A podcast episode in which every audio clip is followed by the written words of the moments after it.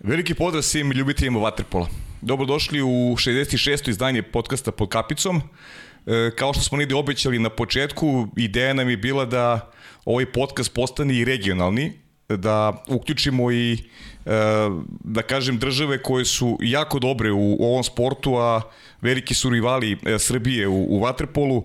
E, bilo je predstavnike iz Crne Gore, a običao sam da će biti i ljudi koji su obeležili ovaj sport, obeležili hrvatski Vaterpol i obeležili taj, taj deo rivalstva koji je E, koje je zaista fenomenalno u, svakom pogledu i kada pričamo o igri i kada pričamo o nekim relacijama koje su zaista izuzetne i želio bih na taj način da i kroz ovu emisiju upravo predstavim ljude koji su, koji su deo tog deo tog rivalstva, deo rivalstva koji je i Srbiju učinilo e, elitnom reprezentacijom i deo rivalstva koji će da traje i dalje kada pričamo o jedno, jednom od najpopularnijih sportova u ovom regionu. E, sa velikim zadovoljstvom mogu da obilodanim da je sa mnom u studiju Vjekoslav Kobešćak, e, jedan sjajan čovek, sjajan trener, nekadašnji vatrepolista mladosti i proći ćemo kroz naravna otprilike dva sata, možda malo više, zavisi koliko Vjeko bude raspoložen, i kroz njegovu karijeru, kroz ono što se zove aktualni trenutak kako njegovog kluba Juga, tako i svjetskog svetskog i e, smernice koje sada su aktualne kada pričamo o, budućnosti ovog sporta. Vjeko, pre svega dobrodošao, hvala ti što si izdvojio vreme da se pojaviš u našem studiju i ono klasično pitanje kako ti se dopada ovaj prostor i studio na kraju univerzuma? Pa veliko hvala tebi stvarno što si me pozvao. Sad nakon ovakvog uvoda najbolje odmah završite emisiju, previše je tu bilo pohvala a što se tiče studija, e, oduševljen sam s njime. E, ja osobno, znači, prvo pratim ove rokerske stvari i To, mi je, to mi je prvo upalo u oko, a onda i ove sportske. U svakom slučaju, po, po ovom uređenju fantastičan, ali po onome što je najvažnije, a to, to su priče koje se ovdje događaju ovoga, po tome ovaj studio poznat. E, dobro, pričat ćemo ovaj malo o tim rokerskim stvarima na kraju, pošto ja volim Zagrebašku scenu, uvijek sam volio, tako da ćemo da se, ovaj, da se dotaknemo i, i, i roka na kraju. E, ajmo da krenemo od, od aktualnih tema, vaterpolo tema. U Beogradu si sa, sa svojim klubom Jugom, regionalna liga, e, ove godine je drugačije u smislu da su srpski klubovi zaista kvalitetni. Jug je promenio u dobri meri ekipu odnosno na prošlu godinu. Kako vidiš e, kompletno takmičenje i kako si zadovoljan ovim igrama e, u ova dva dana turnira u Beogradu? Pa ove godine taj novi format natjecanja i e, liga je fantastična. Po meni kvaliteta nije slabija od lige prvaka. Format natjecanja je izuzetno zahtjevan, pogotovo ako gledamo kakve su nam sezone posljednjih, u posljednjih nekoliko godina sezone su stvarno preopterećene sa utakmicama. Mi smo sport koji to jako teško prati. Malo ko ima dovoljan broj igrača ili logistike da to pa prati na adekvatan način. Imamo preko 50 utakmica tokom sezone, od toga 20-30 sigurno su vrlo jake. Ove godine znači za svoja natjecanja E, domaća ili međunarodna, imamo regionalnu ligu koja se igra turnirski. E, a mhm. ti turniri su e, po meni malo problematični. E, ja sam apsolutno za to da se igra regionalna liga i dobro je da se ona održala, da nije se radi ovih ili onih razloga zaustavila. Ona nosi jako puno dobrog svakom klubu i svakoj državi koja ga igra, mhm. po meni. Ovoga, međutim, Ove godine smo to napravili sa e, tim turnirima. Evo mi u tri dana, e, četiri dana igramo šest utakmica i to unutar Lige prvaka i nekih putovanja, tako da evo mi smo sad spojili Berlin, Beograd, ide Bukureš, Zagreb i pa onda ćemo opet Beograd, pa onda opet Zagreb tako da na to još dolaze pripreme reprezentacije. Vrlo je, vrlo je teško i mm, e, sad onda možemo ulaziti u problematiku nekakvu, a to mislim da je i Deki Savić tu pričao, e, to za starije igrače je, mm, ajde recimo prihvatljivo, ali za mlade igrače to nije dobro jer oni trebaju vremena za trening, za razvoj, a puno naših momčadi ovoga, i u Hrvatskoj, i u Srbiji, i u Crnoj Gori ima mlade igrače na kraju krajeva, na taj način mi svi radimo i, i tu se može dogoditi nekakav zastoj u njihovom napretku ukoliko će biti e, previše utakmica, premalo vremena za trening. Uh Pa drugi problem, pričali smo i pre emisije, predstavlja naravno i i ova situacija sa covidom koja se nije promenila manje više u odnosu na, na, na prošlu godinu, znam da imaš probleme unutar ekipe, kako tu uspevaš da, opet s druge strane znam da si malo i pomladio ekipu, da ima tu igrača koje pokušavaš da, da onako uvrstiš u prvi tim, kako si zadovoljan napretkom tih, tih mladih momaka i, koliko će dobiti prostora da se kroz ove jake utakmice afirmišu, od toga će naravno imati benefiti hrvatski vaterpolo generalno?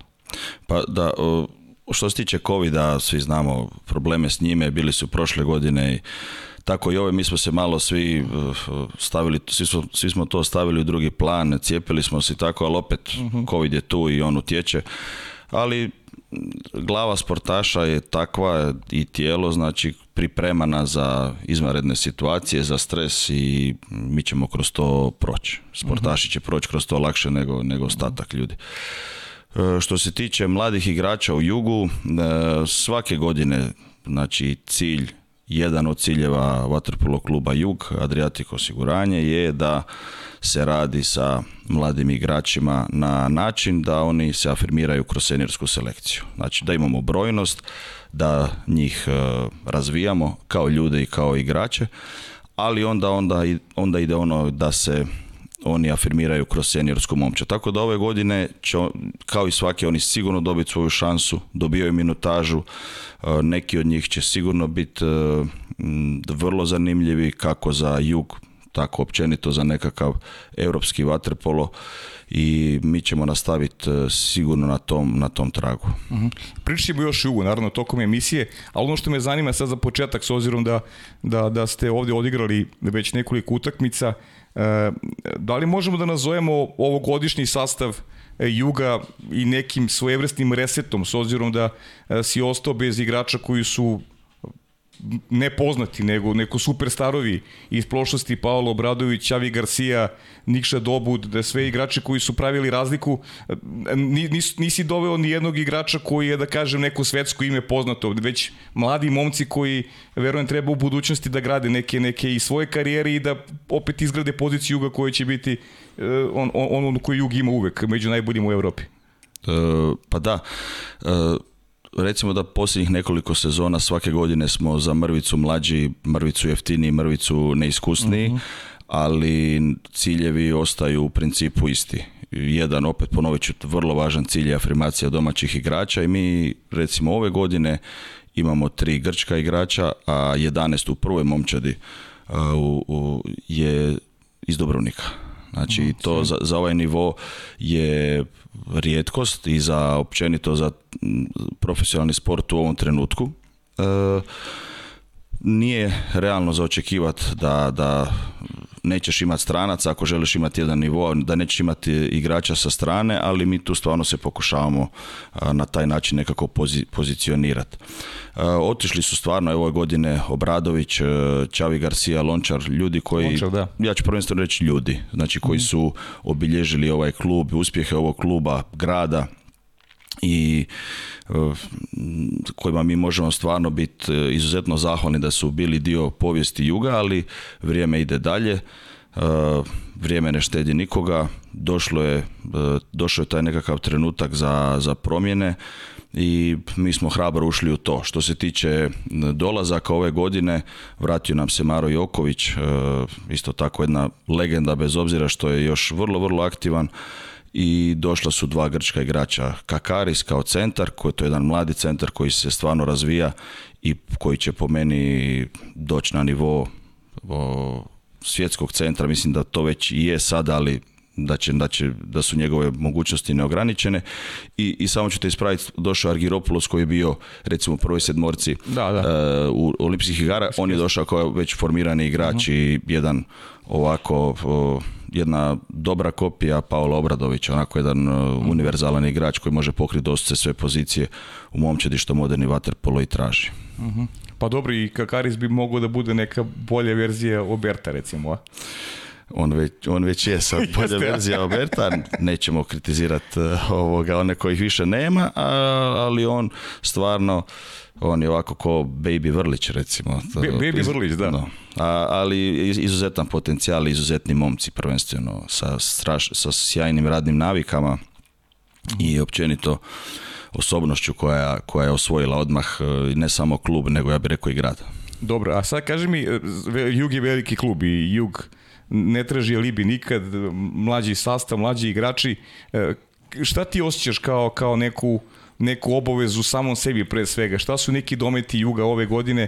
Zaista Liga šampiona izuzetna ove sezone, ima mnogo kandidata za, za, osvajanje šampionskoj titule, a da ne pričamo o, o, tim timu ima srednje kategorije koji su takođe jaki.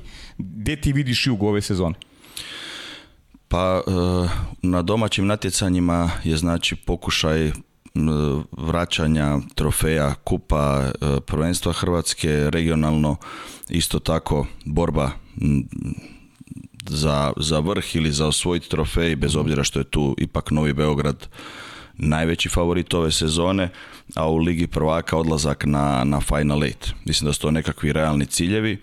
Mi imamo sedmorku koja je stvarno sjajna, koja je mhm. u najboljim godinama. Imamo samo jednog igrača u momčadi koji je preko 30 godina, to je Maro Joković, ostali su svi ovoga u svojim nekakvim najboljim godinama ili su još u, u, sazrijevanju, ali, ali na jednom vrlo visokom nivou. E sad imamo klupu koja je ono što si sam spomenuo, mlada i neiskusna.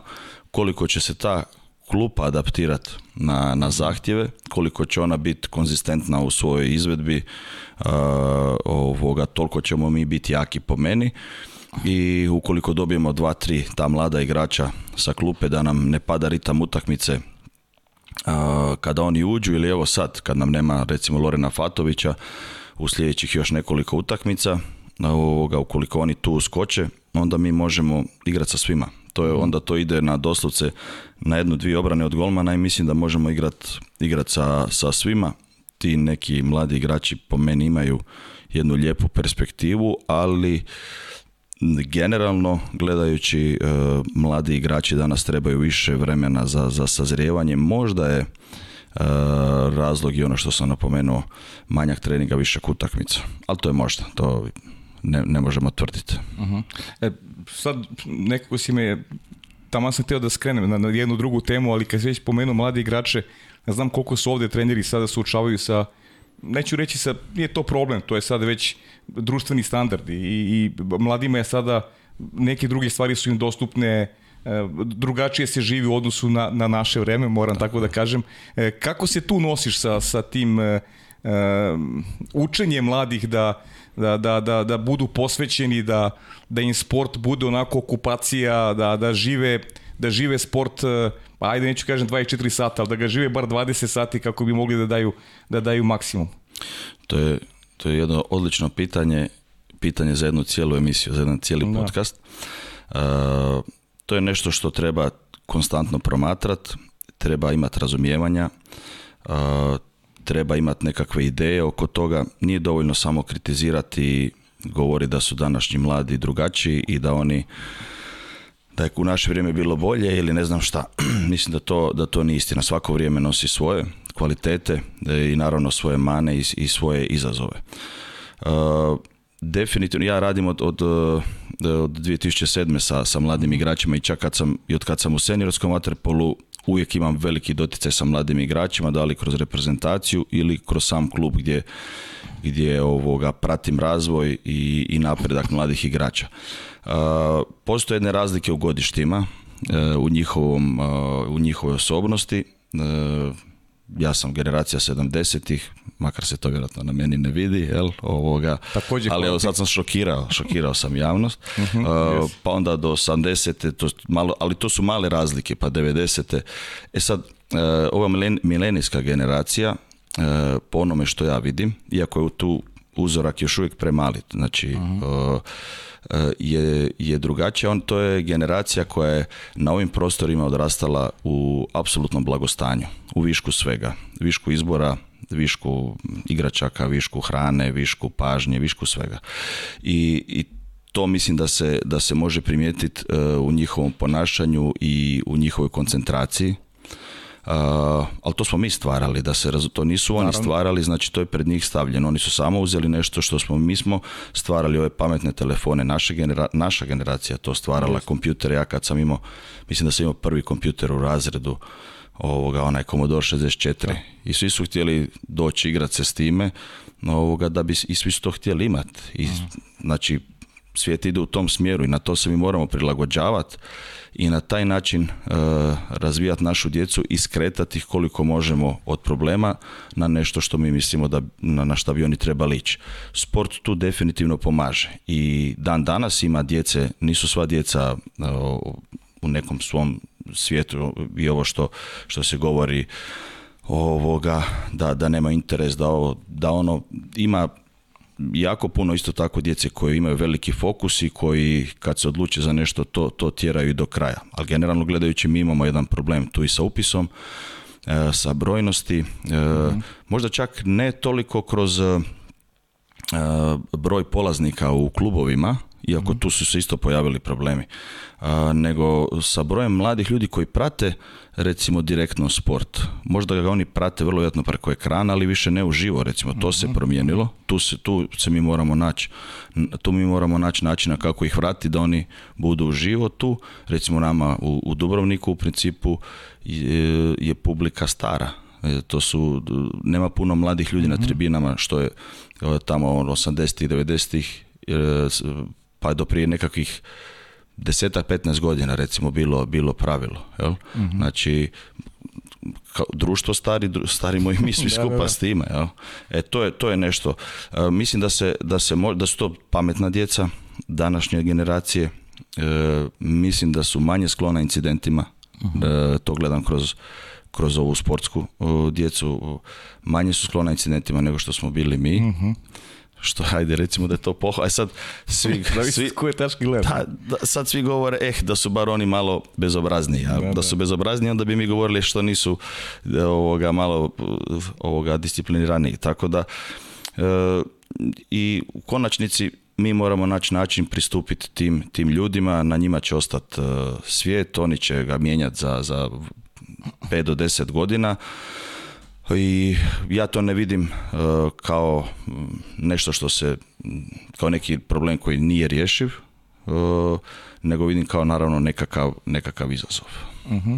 A kaži mi kako ti kao, kao pedago, kao roditelj u krajnjem slučaju, kako ti pristupaš, zanima me, da li ima nešto što, što radiš, a nije vezano samo za treninge ili, ili neka edukacija, ili provodiš neko vreme, da li imaš opciju, ne znam, voditi ih u pozorište, ne znam, kako, kako se kao trener nosiš sa onim čega si vrlo dobro svestan, čega sam ja svestan u krajnjem slučaju, se vidim da sam popuno drugačije rastao od ovih, od ovih novih generacija i takođe se slažem s tobom, svako vreme je najbolje vreme na svetu, ne treba ti to i deci uskraćivati te blagodeti koje imaju, već im treba pristupiti samo na pravi način. E, kako naći taj neki balans da, da sport ne trpi, da ti kao trener ne trpiš, a da oni u krajnjem slučaju budu zadovoljni? Još jedno odlično pitanje. Da. Jako dobro. Ovoga, Hvala ti. Da, ne, nema na čemu. Hvalimo se danas. Da, da, a moramo. Ovoga, uh, širina e, u, u profesiji e, trenera mislim da, da je vrlo, vrlo važna. Mhm. Nisam siguran da, da dosta trenera i ljudi to razumije. Ja, mislim da je u svakom zanimanju ona važna. Znači da što je čovjek educiraniji, e, sa što više točnih i dobrih informacija barata da će mu lakše bit e, baviti se sa svojim poslama i, i konačnici plovit kroz život. Jel? Tako da mm.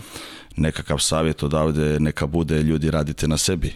ovoga, informacije su oko nas, nemojte uzimati samo one koje, koje vas truju. Dajte uzmite nešto što je što vas može nadograditi. E, u radu sa i seniorima i sa mladima mislim da je to vrlo važna stavka.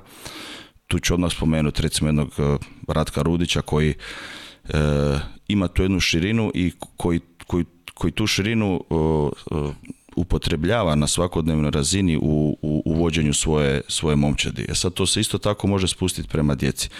Ja mislim da je vrlo važno i da su najveći ti treneri koji su bili pedagozi u naše vrijeme nisu nas samo učili kako zaplivati, dignut loptu i tako dalje, nego su nam davali i važne nekakve životne instrukcije, nekakvu, nekakvu širinu. I, I u tom smjeru treba ići prema djeci. Oni od viška informacija danas e, pitanje da li, da li idu uvijek u, u pravom smjeru sa, sa svime time i mi se moramo truditi tu ih e, educirati. Ja ću reći jedan pozitivan primjer, ima prije dvije godine, možda i tri, jedan naš mladi igrač golman.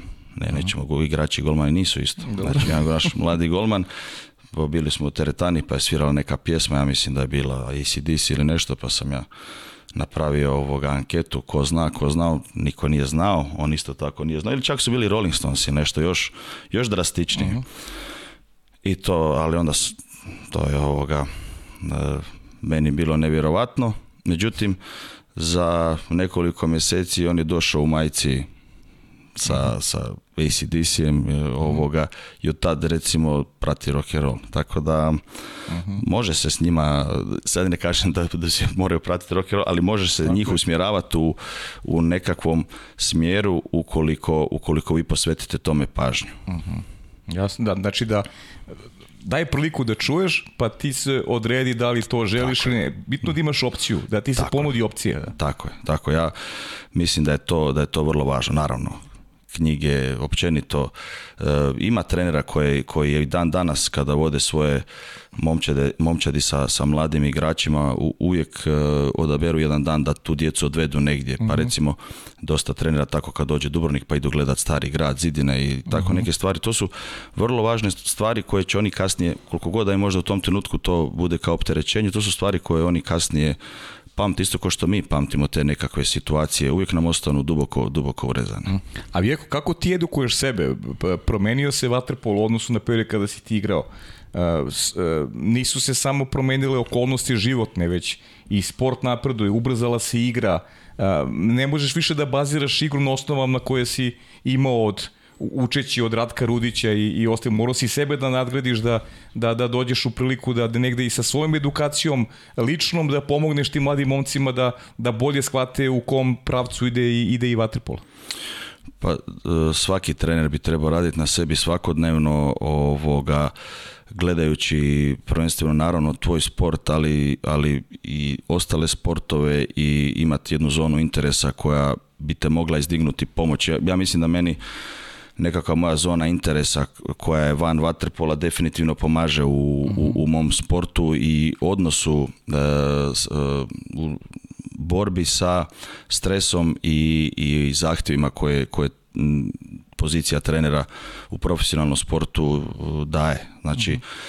to je vrlo važno i moj bi savjet uvijek bio svojim kolegama da se informiraju o što je više moguće stvari, da nijedna informacija nije loša informacija. E, I tu prvenstveno bi to podijelio, to jest e, taj savjet dao igračima koji misle biti treneri. Jer tu dolazimo do jednog problema. Znači, mhm. igrači koji su, pogotovo ako su bili dobri igrači, e, ponekad svačaju sebe ne preozbiljno, nego vide sebe boljim nego što jesu jer biti igrač i biti trener ili biti funkcioner ili bilo šta drugo, to su sasvim različite stvari. Mhm. I, I, tu treba biti vrlo, vrlo objektivan. Da, ja nikad neću zaboraviti trenutak kad sam prestao biti igrač i postao trener, taj prvi trenutak, znači ono u tog trenutku ti vidiš da sve što ti je kao igraču bilo puno, odjednom ti kao treneru postaje malo. Znači, mhm. totalno se promijeni slika, percepcija onoga što se događa u recimo u tom bazenu. Da bi sve to mogao ovoga, imat pod nekakvom kakvom takvom kontrolom, mislim da se treba razvijati na sve moguće načine i na taj način komunicirati sa svojim igračima, ali isto tako ne samo s igračima, nego i sa svojim kolegama, sa svojim šefovima, sa svojim upravama, jeli savezima, sa medijima i, i da je to na neki način ovoga put, e, to je vrlo kompleksan posao ali ako se želiš baviti s njima mislim da bi trebalo ići u tom smjeru i naravno kao i u svakom poslu ako ga želiš raditi dobro treba imati strasti, treba imati upornosti i veliku žrtvu da bi možda jednog dana e, e, to na neki način naplatio ovoga ljudski, financijski ili ne znam kako, s time da je vaterpolo nažalost takav sporta, sport da možda i sa ogromnim odricanjem e, nećeš dobiti neku tu satisfakciju. Moguće i to. Mhm. Ali ukoliko nema odricanja, onda sigurno nema satisfakcije mhm. niti uspjeha. A kaži mi kad pričaš o, o, o tim drugim sportovima, e, iz kog negde, koji, šta najviše pratiš? Da li iz nekog sporta crpiš, da kažem, neke, neke taktičke ideje? Da, da li je uopšte to prihvatljivo tebi kao treneru koji gledaš neki sporta da kažeš haha mogu ovde da, da neku svoju energiju da usperim, mogu nešto da ukradem i da, i da ovaj, postavim kao, kao dobar primer i, u svom sportu. I, je, sigurno, sigurno e, i treba biti otvoren na, na, na sve te stvari nekad one mogu pomoć, e, nekad neće pomoć, ali mislim da, da se pa i svakog sporta može nešto ovoga uzet e, momčadskog svakako, ali isto tako treba pratiti individualne sportove e, i, i njihove njihov način rada i treninga i, i psihologije i, i svega toga. Znači, Možda su rješenja svugdje oko nas, znači ideje su sigurno svugdje oko nas, samo je na nama da li ćemo biti otvoreni za te ideje ili ćemo se eh, staviti u taj neki kalup vaterpola. Vaterpolo je dosta konzervativan sport što se tiče eh, razvoja, eh, on se relativno sporo razvija, igra na kraju krajeva i ta voda nas usporava on je vrlo jednostavan sport što se tiče kombinatorike, ali u toj jednostavnosti on je izuzetno težak, jer u toj jednostavnosti treba e, biti bolji od tvog protivnika i tu mislim da e, nekakva tehnička izvedba i, i, i e, dobija još više do izražaja možda nego u nekakvim drugim sportovima. Znači mhm. bez nekakvog tog eh, te tehničke i zašto su igrači svojih prostora bolji od ostalih upravo radi toga, te količine mhm. treninga i, i zahtijevanja tih nekih tehničkih detalja i onda tek dolaze ti taktički koji su možda u nekim sportovima eh, puno širi, mhm. eh, u većini možda loptačkih sportova, ali meni se čini da, da i waterpolo polako ide u nekom smjeru i u tom razvoju što u konačnici možda neće biti niti, niti loše. Kako tebi ovo izgleda sad, ovaj kraći napad, prom izmene, ili ti, ili ti evoluirao sada ili, ili kako, ti se, kako ti se čini u odnosu na, na period kada si, kada si ti igrao? Mnogo brže igrači moraju i da misle i da, i da sprovode neke zamisli trenera, pa i sami da se snalaze u nekim situacijama koje, nekada je to izgledalo mnogo sporije sada kada poredimo sa, sa današnjim vatripolom. Definitivno je bilo sporije. I sad imate ovoga t, e, ovo pitanje za, za, za, za još jednu emisiju. A, e, Pravit ćemo još jednu emisiju, nemoj brineš. Ne, ne, nisam se pozvao sam. Ne, ja sam te pozvao, ja sam te pozvao. čekaj da završi ovo. Ajde, ajde. Treba pratiti e, rezultate nekakve koji su bili prije i koji su danas da i mogli neke stvari naravno uspoređivati. E sad, Vaterpolo ima problem što nema dovoljan broj informacija. Mi imamo usmenu predaju, mi smo nekakav underground pokret, mi smo uh, nešto za sladokusce, jel nama fali malo i ljudstva, brojnosti u svemu tome i nemamo pisanu riječ u dovoljnom, znači mi nismo, uh, iako mi sebe zovemo akademski sport, jel, ovoga, nama definitivno fali, evo, knjige ko što je ova kraj mene i tih nekakvih stvari, informacija, statistika, razno raznih stvari s kojima bi mi mogli uspoređivati tamo gdje je vaterpolo bio i gdje je vaterpolo sad. Naravno da ćete vi uvijek čuti od, starih igrača, eh kako je u naše vrijeme se to zabijalo, kako se držala lopta, kako se ovo, kako se ono. I je to, znači vaterpolo je, naravno da je uvijek bio eh, sport jedne velike, velike vještine, ali on je to i danas da se razumijemo. Samo su se okolnosti promijenile. Promijenilo se suđenje, promijenila se ta izvedba mhm. i tako dalje. Nekakvi rezultati plivački koji su vrlo važni za vaterpolo prije nisu bili slabiji nego što su sad, možda su bili i bolji, ali su sigurno neke druge stvari, izvedba tehničkih detalja, to jest rad nogu koji, koji je dobio na ogromnoj važnosti, mhm. što prije nije, znači taj trening nogu ovoga, koji je upravo krenuo e, odavde, jel? znači prvenstveno mislim iz Partizanove škole, onda kasnije se prelio na, na, na cjelokupnu tu regiju. Ovoga, on je bio vrlo važan. Baratanje s loptom prije je bilo Odlično, to su bili sve majstori. Mhm. Ali danas se to sve radi brže i danas lopta u principu ne bi smjela biti, osim u plivanju na, na, na vodi. Znači lopta bi trebala biti mhm. cijelo vrijeme na ruci. To mhm. prije, pogledajte samo dinamiku dodavanja prije i pogledajte dinamiku sada. I sad to sve, sve skupa mijenja, mijenja znači e, e, trenutnu sliku. E, obrane. Obrane su se uvijek do ovog trenutka Eh, brže prilagođavale promjenama pravilama, promjenama pravila koja su bila učestala u vaterpolu, mhm. nego napadi. I obrana je uvijek bila korak ispred i vaterpol u principu u važnim utakmicama, finalima i tako dalje uvijek bio većinom slučajeva. Je bio eh, sport sa malim brojem pogodaka. Meni se osobno to možda više sviđalo. Mhm. Meni osobno kao treneru. Mhm. I tako sam educiran od mog prvog i najvećeg mentora Ozrena Bonačića, njega moram spomenuti apsolutno, znači jedna legenda koja meni usmjerila svakako život, što svojim udarcima po mojoj glavi, što, što ovoga, svojim savjetima i tako dalje. Znači, uvijek je rekao nema osvajanja trofeja bez obrane i to je, to je postulat e, koji i dan danas stoji. Mhm. Ali možemo vidjeti da sa ovom promjenom pravila da se, da se krenulo u, u smjeru puno većeg broja, broja pogodaka. Odmah ću, e, s obzirom da sad je riječ o igri, i reći jednu stvar e, što je svi će spominjati naravno suđenje i, i, i princip... To sam e, baš ti pitam, da. Da, kompleksnost svega toga. Ja ću odmah reći, a evo recimo imali smo i neki dan u, Berlinu kad smo igrali protiv Špandova, ovoga, tu situaciju. jer mi, svi u tome moramo biti zajedno.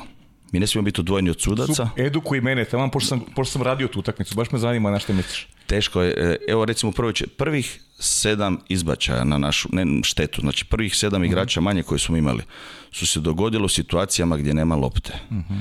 E sad, ajmo uzeti mi, vi kad gledate nogomet, košarku, rukomet, ne gledam, e, ne, ne kao trener, nego kao, kao gledatelj. Mhm.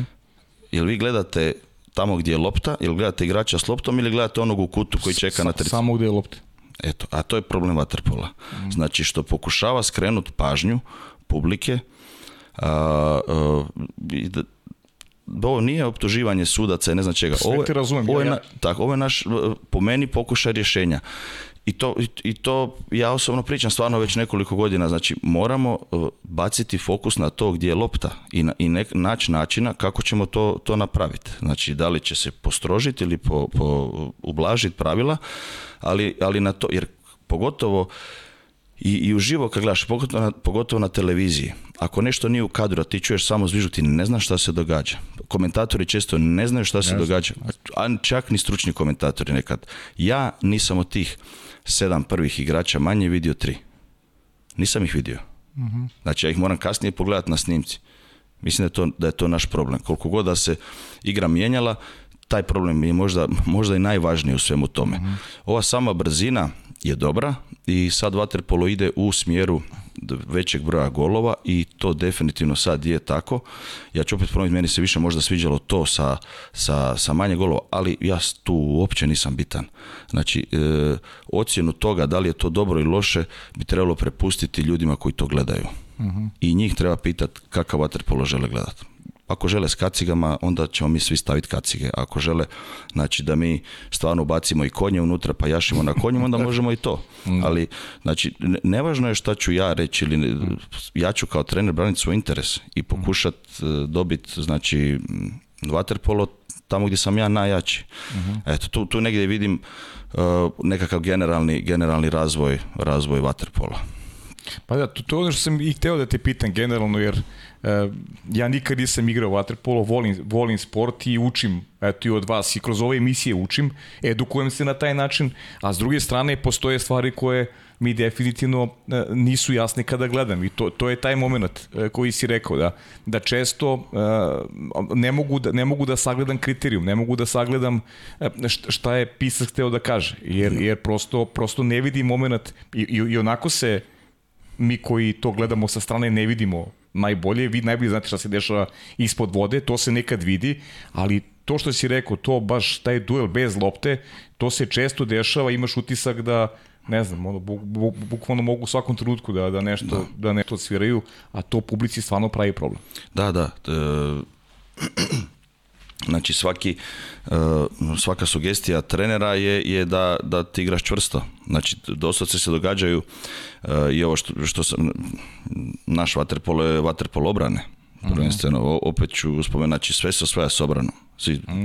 Srbija je Tokio osvojila sa obranom, e, znači Hrvatska je London osvojila sa obranom i onda kasnije tek dolazi, dolazi napad. I svaka sugestija trenera ide na toj jednoj čvrstini obrana i, i doslovce, u, u, ako ćemo tako gledati, onda je na šest pozicija u prvom kontaktu se mogu događati, događati izbačaj. Na koji način se to može regulirati? E to je sad nešto gdje bi se trebala otvoriti rasprava, gdje bi apsolutno sve strane trebale biti uključene u to, ali opet na način znači, da prvo se ocijeni šta publika želi vidjeti i onda na koji način ćemo mi, mi doći do toga. Da, da možemo ovaj e, sport koji je negdje na granici između velikog i malog sporta, ja ne mislim da on mali sport i se igra po cijelom svijetu i dakle.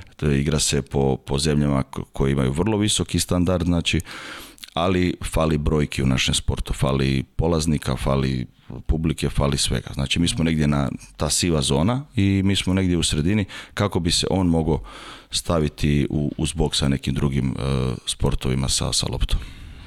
Vidim ja da bi on mogu trajiti šest sati, ovaj, ajde da, da, da, da skraćujem temu, hoću samo još jednu stvar da te pitam, E, hoću još jednu stvar da samo pozdravimo našeg Bakija Dragog, e, još jednu stvar samo da te pitam vezano za za Deki Savić je rekao jednu stvar koja je meni interesantna vezano za nova pravila da je nekako način suđenja ubio veštinu bekova i imamo situacije gde evo ti si trener bekovi, malte ne ostaješ bez bekova, moraš da rotiraš i ove ovaj spoljne igrače, e, ostaješ bez bekova manje više u prvoj, drugoj četvrtini se napune ličnim greškama. To je, to je neki, neki trend suđenja, tako da ta neka, njihova veština ne dolazi uopšte do izraže. Se slažeš s tim? Da, i postaje nevažno tko je na beku. Da li si ti ili da li Andro Buš ili Milan Aleksić na beku. Mhm. Znači, uh, sa takvim ti možeš imat beka koji uh, bez nekakvog teškog faula može, može sa, sa nekoliko izbaća biti ograničena na, na nekoliko minuta igre. Jedna od stvari, mislim da je tu, da je tu Deki u pravu i evo, mala tajna za, za moje protivnike. Ja već neko vrijeme u principu uopće ne tjeram bekove da idu od ispred, nego, nego da stanu iza ko što se prije igralo prije davno, davno, još čak i prije mog vremena, znači uh mhm. -huh. klasično od iza, a da se, da se taj dolazak lopte isprečava vani, jer, jer je jednostavno preveliki, preveliki rizik u toj borbi da ne dolazi do izbačaja bez lopte, onda je centar izoliran ovoga ispred gola bez ikakve obrane i tu se mogu postizati vrlo laki, vrlo laki mhm. golovi. Tako da, tu je nešto, recimo, Ratko Rudić, upravo ovo ljeto smo razgovarali i rekao je jednu, jednu isto važnu stvar oko toga i, i, i tih nekih e, napomena koje su treneri imali e, mhm. naspram sudaca. On je rekao da treba zaštititi igru na vanjskoj poziciji, što mhm. apsolutno da nekakvih 15 godina, sigurno, znači tamo negdje od sredine, 9, ma i više, i više, skoro 20 godina znači, da smo mi imali, 95. je počelo e, velika promjena suđenja koja je svake godine e, išla prema sve tvrđoj, tvrđoj, čvršćoj, čvršćoj igre i onda se ako se sjećate onih nekakvih finala u 2000-ima, znači to su bile to su bili ratovi. To, mm to stvarno je bilo na granici na granici brutalnosti. Ovoga e, znači gdje se sprječavalo E, e, kretanje vanjskih igrača, krilnih i vanjskih igrača i to sa dvije ruke i to, fizi- i to smo, svi smo to znali. Tako su se igrala nacionalna prvenstva, tako su se igrala europska, svjetska i tako dalje. Ovoga. I onda je Ratko Ruvić recimo ovo ljeto rekao da se tu treba zaštititi kretnju igrača i to se počelo događati polako. Ali borbu beka i centra da treba pustiti da to što se događa tamo, da je to jedno mjesto u, u, momčadi koje treba biti e, pušteno sa, ipak sa, sa većom dozom kontakta. Kao i mhm. nekim drugim sportovima, sad opet možemo i od američkog ragbija u jednoj u nekim situacijama se znači gdje se nešto dozvoljava, gdje se nešto ne, dozvoljava. I tako da mhm. znači da imamo ovoga to nekako mjesto gdje ipak e, postoji veći kontakt, mhm. a vrlo je važno e, e, ograničiti obranu da ne zaustavlja kretnje igrača e, u, napadu, kao što su svim sportovima, znači ne može se zaustavljati kretnja. Mhm. Ali kad ste jedan, znači kad ste statični, da tu se dopusti veći, veći kontakt. Mhm. Možemo mi vijek ovako do sutra. Ajmo mi, Vanja, na prvo pitanje pa da malo vratim vjeku u mladost. Evo prije svega jedan veliki pozdrav za vas uz veliko uvažavanje za mog kolegu Kobešćaka i sve što je napravio i rezultate koje je ostvario prethodnih godina, evo ide jedno pitanje koje je van Vaterpola. Eto, poslije već dosta godina provedenih veoma uspješnih u Dubrovniku, da ga pitam da li se navikao da ga zovu Gospar Vijeko. Veliki pozdrav Pozdrav za Vladu Gojkovića i ništa, ovaj, samo da mu poželimo da ovaj, ovaj COVID prođe što pre, a rekao mi je da je već u mnogo boljem stanju. Ovaj, evo, sad se crvenim od ovih pitanja. Nije, od, nije od kave, nego od pitanja. Ovaj, ovaj, veliki pozdrav Vladi Gojkoviću velikom gospodinu i velikom treneru, apsolutno. Vrlo brzo sam se naviknuo na to da me zovu gospar.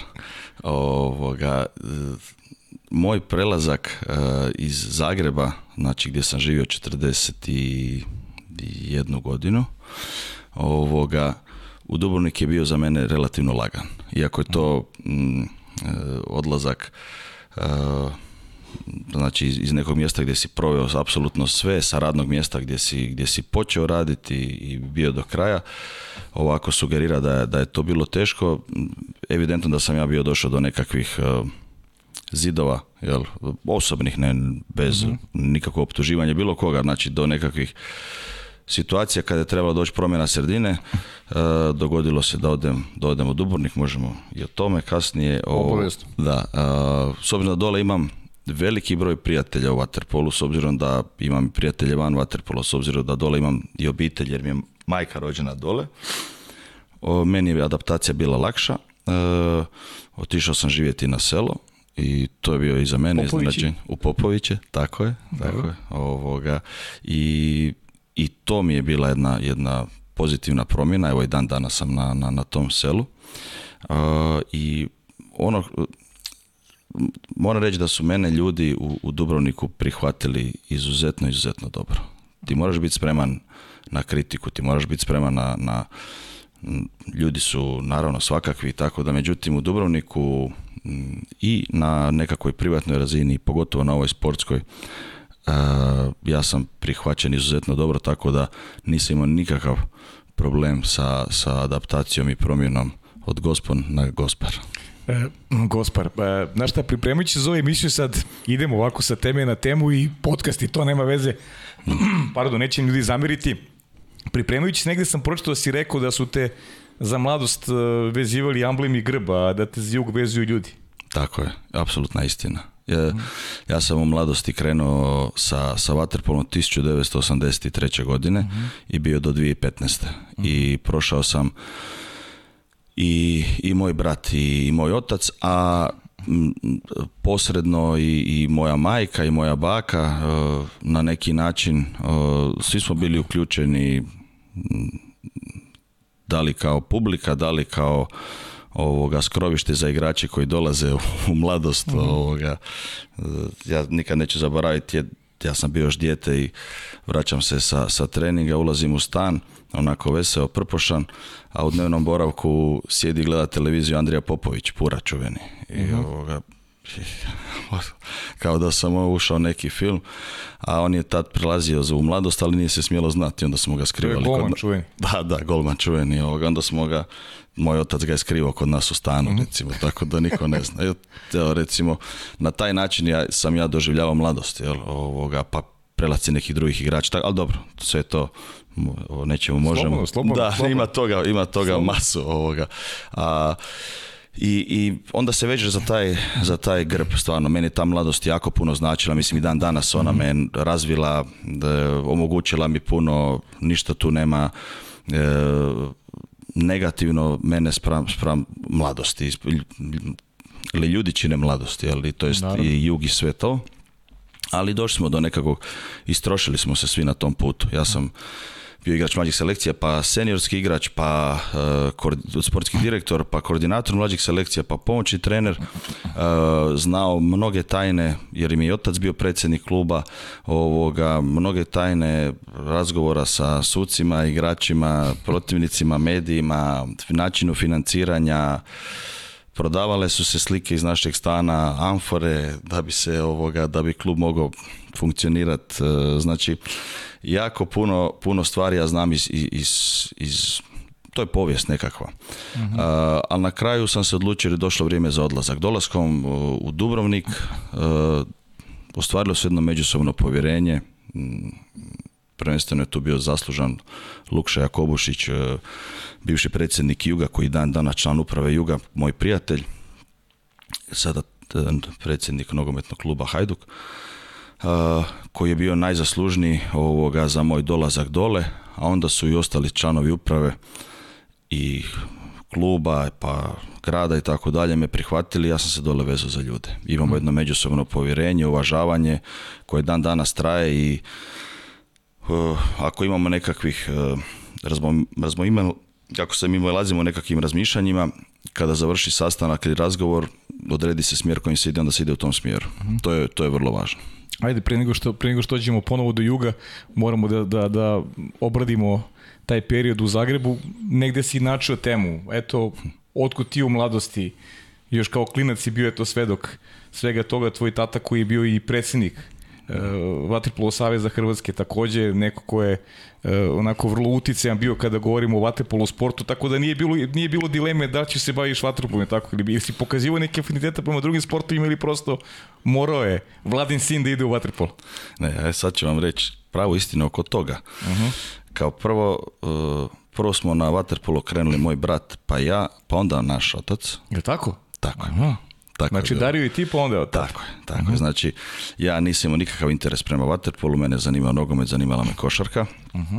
Međutim, moj brat je krenuo, sa, bili smo na kupanju na, na starom bazenu mladosti, Stara Sava i ovoga, kako je tata znao trenera, pokojnog Duška Baždara, eh, onda je moj brat izradio, to je rekao je pa ajde daj nek ti klinci počnu trenirati i moj brat je odmah počeo trenirati, ja, mhm. mene to nije zanimalo, pa kakav vaterpolo, pa nije, to nije sport. I ovoga, međutim, krenuo moj brat, krenuo moj najbolji prijatelj i onda, hoćeš nećeš, krenuo sam ja. Do trenuta kad sam ja došao na bazen, znači meni je bilo eh, sve jasno, ne sada na način da se ja bahatim ne znaš, ali meni to tamo eh, bilo puno jasnije znači gdje sam, šta sam, nego bilo koji drugi sport. Mhm. Onako, sportski sam Mm, dosta volim sport, volio sam ga igrati, ali vaterpolo bio taj. Znači, mhm. to, je, to je bilo to. E, onda je ušao naš otac tek. Mhm. Morate zna, to je jedna posebna figura koja je tada nakon nas ušla, međutim kako on ko jedno šilo koje se ono probija, onda se on vrlo brzo počeo probija, došla je univerzijada u Zagrebu, tu je bio jedan vrlo važan član uprave e, pokojni Cele Sardelić, uz kojeg je moj stari otac, pardon, mhm. ovoga, došao, kako se zove, stari, stari, evo, mi to zovemo stari. Da, može. Da, ovoga, došao i onda se na taj način probio, prvo je bio kao potpredsjednik mladosti, onda je postao predsjednik i jedna vrlo važna figura eh, kako kluba, mhm. kasnije, kasnije i, i, i saveza. Mhm. Eh, Jeko, eh, mnogi su mi pisali, tvoj otac, tvoj stari, uh, jedna harizmatična ličnost koja je, kažem, bio i predsjednik i predsjednik Saveza. Ovaj, kako pamtiš taj neki period odrastanja eh, ti Dario, Koji su tu još bili ti neki momci sa kojima si ti odrastao i s kojima je sjetio igru Waterpola, a da šira javnost ih jako dobro poznaje kada govorimo o igri samoj? Mladost je jedan od najboljih klubova na Evropi, u Evropi, a eto imao si privilegiju da igraš sa ne samo s igračima iz Zagreba, nego bilo je dosta igrača koji su davali iz Beograda također dolazili u Zagreb i, bili deo timova koji osvoje titulu prvaka Evrope. Kako ne. Oh. To ovoga... kom, odnos je bio kompleksan. Uh Prvenstveno radi mog oca koji je vrlo brzo zasio na neku funkciju i samim time otežavao ili olakšavao e, posao bratu i meni. Ja, najviše otežavao, verujem, s obzirom da živimo u novim prostorima. Meni ne. ne Meni ne, mhm. e, bratu da. Bratu, znači, e, ja sam im osjećaj da su mene uvijek etiketirali kao e, talentiranog, e, uvijek sam bio sa nekakvim starijim generacijama i ja tu osobno nisam osjećao preveliki problem, pogotovo u početku karijere kad je, kad je najvažnije. Mislim da moj brat je i da je upravo radi tog nekakvog odnosa da su ga više stavljali mu tu neku etiketu uh, uh, koja je bila totalno nezaslužena, pogotovo jer se moj brat uh, kasnije bolje razvio kao igrač nego ja. Mhm. On je sa, sa godinama sazrijevao, a ja sam, ja mislim, sa godinama bio sve slabiji i slabiji. Ja ne, mhm. tako ne, u 22. meni se čini kao da sam ovoga, da je moja igra bila od tada u nekakvom slobodnom, slobodnom padu. Tako da tu recimo je bratu bilo puno, puno teže. To je bilo s jedne strane zanimljivo jer da imaš te neka, osjećaš tu neku važnost, e, ali je masu puta to i, i, znalo nervirati. Znači, mhm. mene osobno i, brata i vrlo rado bi se koji put odmakli od toga. To, tako da, to je jedna, jedna kompleksna stvar. Što se tiče našeg odrastanja, e, prvi trener je meni bio Duško Baždar pokojni, e, pa zatim Vlado Hrestak i onda je došao veliki, najveći, ja ću, ja, ću reći, to je moje subjektivno mišljenje, Ozren mhm. Bonačić, uh i uz jednu generaciju koja je onako, sjećam se, prva naša utakmica službena, to je generacija 72. i mlađi, ja sam 74. uh mhm. Da, čisto da, da. Da, se zna. Ovoga, je, znači uzeo tu jednu generaciju. Prva, prva naša službena utakmica bila protiv Primora, sjećam se na Kantridi pod balonom, 11-2 smo izgubili. Znači, katastrofa. E, vrlo brzo nas je uzeo Bonačić. Mi smo na kraju tog ljeta e, igrali, osvojili prvenstvo Jugoslavije. Mhm. Znači u par mjeseci on jednu, jednu generaciju koja je bila fantastična, ali koja je morala biti u pravim rukama. uh doveo do e, naslova prvaka Jugoslavije u pionirskoj selekciji, zatim u kadetskoj i zatim u juniorskoj. I nas formirao kao ljude i kao igrače. uh I on je bio izuzetno, to je vrlo vjerojatno najvažniji mladostaš u, povijesti. Mhm. Jer je on kao igrač, kao trener i kao jedna figura ikona, ikona tog, tog kluba. I nadam se da to mnogi ljudi ovoga razumiju. To, mhm. to je Ozren Bonačić. I, mhm. I, jedna figura za koju ja mislim da nitko neće reći e, ništa loše. Znači da ne možemo njemu naći nekakvu ne. On je na, znači, način njegovog odgoja je bio jako specifičan.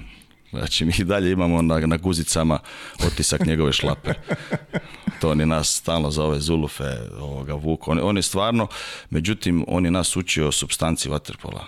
On je mhm. znao, on i dan danas, to je tih nekoliko trenera, ja ću, nije, e, puno ljudi zna, to je tih nekoliko trenera i E, bivša Jugoslavija i sada Srbija, Hrvatska, Crna Gora ih i dalje imaju tih nekoliko ljudi koji znaju ono osnovu za kako se postiže, kako se razvija igrač, kako se dolazi do, do uspjeha. E, to su, to su oni znali. Aha. onda smo, to je to bilo tamo 80-ih, onda smo mi malo po malo ulazili u seniorsku momčad, tu je došao Dulan Antunović, isto pokojni, nažalost, ovoga koji je došao iz, iz Partizana u, u mladosti i s njime je, je mladost postala dva puta prvak Evrope on nas je sve uvodio u prvu momčad i tu smo se mi upoznavali sa svojim starijim kolegama gdje je bilo, evo, spomenuo sam Andriju Popovića, pa je došao Igor Milanovića, ja mislim 89. godine, pa Pero Bukić 87. ili 86.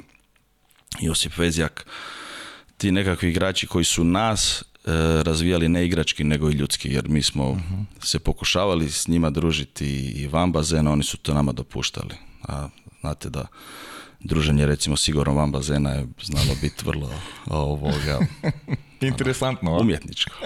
umjetničko, da. Pa dobro, i Dubravko Šimenc također. Tako je, Dubravko Šimenc. Da. Ja se odmah ispričavam jer ne možemo sve na... sigurno nećemo sve nabrojati. Znači, ako nekog evo, izostavim, ja se ispričavam. Dubravko Šimenc koji je bio isto tako ovoga tad eh, član mladosti, mislim. To, općenito tad je mladost iskoračila iz, iz mladost je bila ono kraj 60-ih, početak 70-ih, onda je bilo u nekakvoj, pa ne znam to, dekadencija, kasnije je opet došla neka dekadencija ovoga, ali bila u jednom prostoru traženja, bila je u jednom trenutku i deveta. Mislim da mladost, ono što je važno za mladost, da ona jedini klub uh, ovih prostora koji nikad nije ispao u drugu ligu. Mislim da je Partizan jedne godine, mhm. e, to se uvijek spominjalo, to je bilo kao naša mladostaška stvar. Mi nismo nikad ispali iz prve lige. Da. To, A Partizan to je recimo, međutim, 80. su bile neuspješne, kraj 70-ih, 80. mm I mhm. onda tamo 87. 8. pogotovo nakon univerzijade, znači općenito se digo sport u Zagrebu i, i ovoga, tu, tu je mladost udarila neki temelj za mislim, koji traje zapravo i do dana današnjeg, iako, iako je bilo i uspona i padova. Mhm. A kaži mi, ovaj, to, to rivalstvo u to vreme, bilo je teško ući u reprezentaciju stare države, pa i to juniorsko, ne znam, ili si ovaj, neke, i e, si za, za mlađe, mlađe selekcije, one, one, one stare bivše države? Jesam. Jesam, ja. jesam mhm. ovoga, to je bilo, mislim, sa 14 godina da, da sam krenuo. Uh, prije bilo to manje selekcija, prije su bile uh, pioniri do 14, kadeti do 16, mm-hmm. do 18 i to je to. Danas ima više, danas je do 12, 13, 14, 14 pa 16, da. ide to. I to se onda mijenja, ne, važno. Mm-hmm. Jesam, jesam, to su za nas bila strašna, strašna sjajna iskustva uh, i ta naša putovanja. Sa tih putovanja i tih e, naših natjecanja. Znači imali smo zimski kup, ljetni kup, e, imali smo ova republička natjecanja. E, Od tud do dana današnjeg se, se ne, ne vuku, nego, nego traju naša prijateljstva i nekakva kolegijalnost koja i, i u nekakvim najtežim trenucima i ispitima nije pala na, na, na kušnji. Bilo je tu, mhm. apsolutno svi znamo ovoga, e, koliko su ovo ludi prostori i šta se ovdje sve može dogoditi. Međutim, mi smo tad stvorili nekakav temelj e, prijateljstva koji traje do dana današnjeg i ja od tada imam i Jugoslava i Dekija i puno njih s kojima e, imam više nego prijateljske odnose. Ja vam odajem priznanje svima vama iz Vaterpola na na super ovaj, korektnom stavu, na tom, na tom druženju, na uvek pomirljivim rečima, na pravom primjeru koji dajete i pa- kao, pa, kao takmičari, to je nešto što e, mogu odgovorno tvrdim u drugim sportovima ne postoji. I zato je meni Waterpolo jeste specifičan i zbog toga kakve vi odnose gajite i ovaj koliko ste veliki rivali, ali nikad to rivalstvo ne izlazi iz okvira, iz okvira sportskog. I to je nešto što, što, stalno ističem i, i, ovo, ovaj, i kamo sreće s tvojim prostorima se ugledaju na vas vatripolisti. Eto. Pa da, hvala ti, ali da si ti ili bilo ko drugi doživio tih par godina što smo mi doživjeli na tim putovanjima, mislim da bi svako bio u toj situaciji, jer ovoga to je bilo nešto za, za pamćenje. Imao sam priliku da čujem, znaš. Da, da, bilo je, pa ne znam šta su ti... Ja neke stvari znam, ja sam, znaš, ko crna kutija, kad mi otvore, mogli bi svašta izvukli iz mene, znaš. To prije i poslije snimanja su ovdje isto tako uključeni mikrofoni. Da. Ne, bilo je, bilo je tu, pa sjećam se, to jedno, Deki je nešto i pričao, ili, ili Jugoslav na, na mhm. jednom od ovih, kako se zove, gostovanja, pa jedno čuveno putovanje u Barcelonu, sjećam se, išli smo preko Švicarske i došli smo na aerodrom tu na, na, na Surčin, jel tako, ovoga. Mhm. I onda je Dejan Savić došao sa, sa putovnicom s od, od oca. Mhm. I ovoga, međutim, nije bilo vremena da se zamijeni i on je uspio, znači, sa kako je to bilo lice. Kako je to bilo lice kad je uspio sa, sa od svog oca doći do Barcelone i, s presjedanjem u Švicarskoj. I onda su mu dostavili tamo pasoš. Evo, ta, mislim, Eto, tako da... Bilo je Panda to čuveno oslobađanje Barcelone, tad tako, bilo, nije baš sve za javnost. Dobro, ja sam... O, ovo su vaše emisije, pričajte šta hoćete, ja, ja neću da vas navodim, ajde, okej. E, kaži mi, ovaj, pričao si mi mladost, taj period, ajde da ne prolazimo sad kroz sezone, šta najviše pamtiš, koja ti je titula nekako najopičetljivija to rivalstvo malo sa klubovima, E, ne znam, Partizan prepostavljam da je, da je bio veliki rival Jadran i Splita takođe. To su bili neki klubi u to vreme, naravno crnogorski klubovi uh, Jadran iz Herceg Novog i šta, šta najviše pamtiš iz tog perioda e, dok si igrao za dok si igrao za mladost? period do, raspada države ja nisam bio pretjerano važan što se tiče seniorskog vaterpola, mhm. tako da su moje nekakva te, te e, ta razmišljanja i sjećanja više u, u, u mlađim, e, u mlađim selekcijama. Apsolutno da, da se sjećam taj e, prvi naslov prvaka Europe protiv Španda 89. u Zagrebu mhm. kada je oboren još uvijek znači taj rekord stoji po broju, po broju gledatelja na, ovoga, na jednoj utakmici jedna sjajna utakmica mladosti protiv Špandova i onda se sjećam mi smo tad još nismo bili ni punoljetni i onda ja mislim da je pola te publike izašlo zajedno van, uključujući i Njemce i to je nešto što, što te recimo ostaje ubilježeno. Onda godinu dana kasnije sam se malo približali dalje ja nisam bio član prve momčadi. Meni stavljao kao da sam 90. osvojio nastav prvaka Europe, nisam, ja nisam odigrao nijednu utakmicu tad za, uh za mhm. seniore, ali ta zadnja utakmica protiv eh, Kanotjerija u Napolju, eh, Skandona puna 7-8 tisuća ljudi, koliko god stane unutra.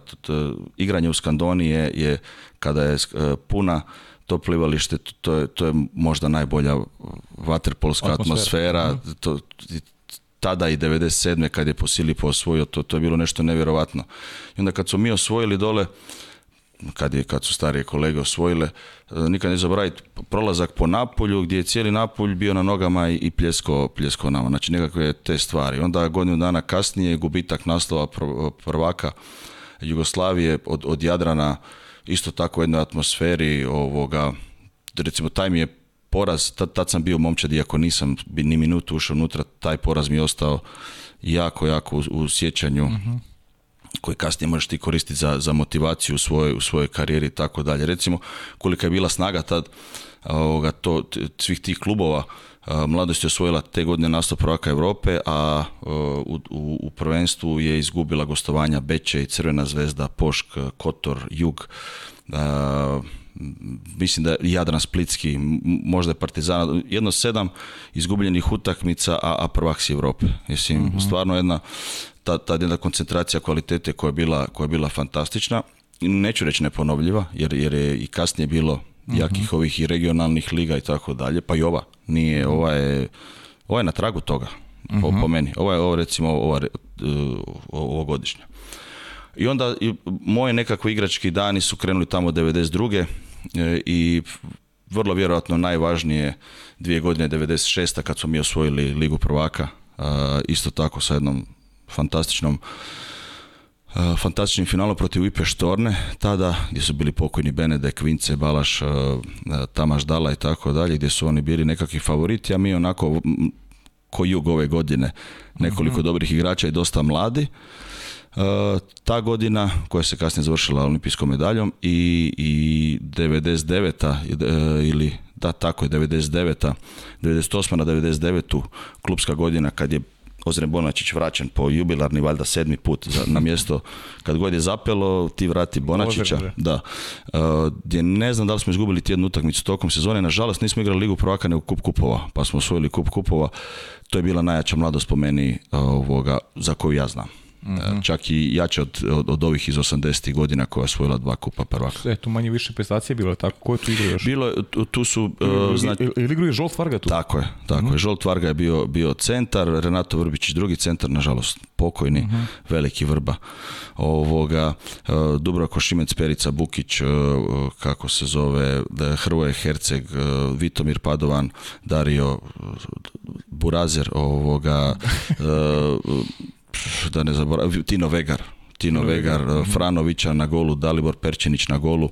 Znači, stva, imali smo nekakvu kombinaciju na igraču više 3-3, to je Bone izmislio, to jest vidio, vidio je od, od, od eh, primora ili od nekog vidio, to je kad ona ubereš, ne? i onda ima jednog igrača više gdje, gdje nas niko nije uspio ubrat do zadnje utakmice finala, kad nam se Jug povukao, i skoro nas je, skoro nas je pobjedio. A Jug je bio tad e, recimo dosta, dosta slabiji, ali ovoga, skoro nas je iznenadio samo što su uspjeli nam provaliti taj ključ e, naših igrača više. Mi smo na tog igrača više u principu tu, tu i kontranapad. Smo, A smo je bio trener Juga tada?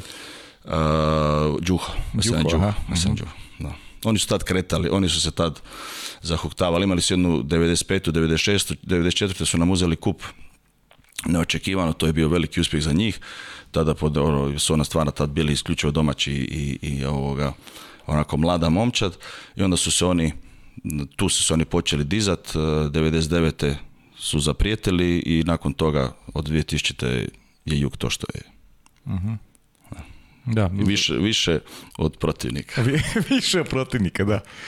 Znači, a kaži mi ta, ta ovaj, ta rivalstva u... Jesi ti igrao, jesi zaigrao za A reprezentaciju? Nisi debitu za reprezentaciju Jugoslavije? Ne, ne, To su, iz naše generacije su na priprema bili i to je nama bilo, to, to smo gledali ko, ko, bogove, onda te, to, to nije bilo realno za očekivati uopće. Mm -hmm. Torka je bila, bilo je, znači, uopćenito igrat e, za reprezentaciju ili za starije godište je bila velika stvar jer je koncentracija igrača bila ogromna. Mhm, znači, mhm. E, da li je bilo više, meni čini da je bilo veći izbor nego sad. E, po klubovima, mm -hmm. naravno da je bio, generalno. Pa, naravno da je bilo, jel? I, pa, a reprezentacija tad nije bio problem ukloniti nekog vrhovskog igrača ukoliko je on stvarao e, neredu u momčadi. Znači to se moglo. Danas je to već, e, nemaš zamjenu. Mhm. Tad je svaka u seniorskoj reprezentaciji je svako mjesto imalo barem po jednu zamjenu iste kvalitete. Uh mhm. -huh. E pa tako bilo u mlađim selekcijama. Onda rijetki su tu bili Elis Fatović,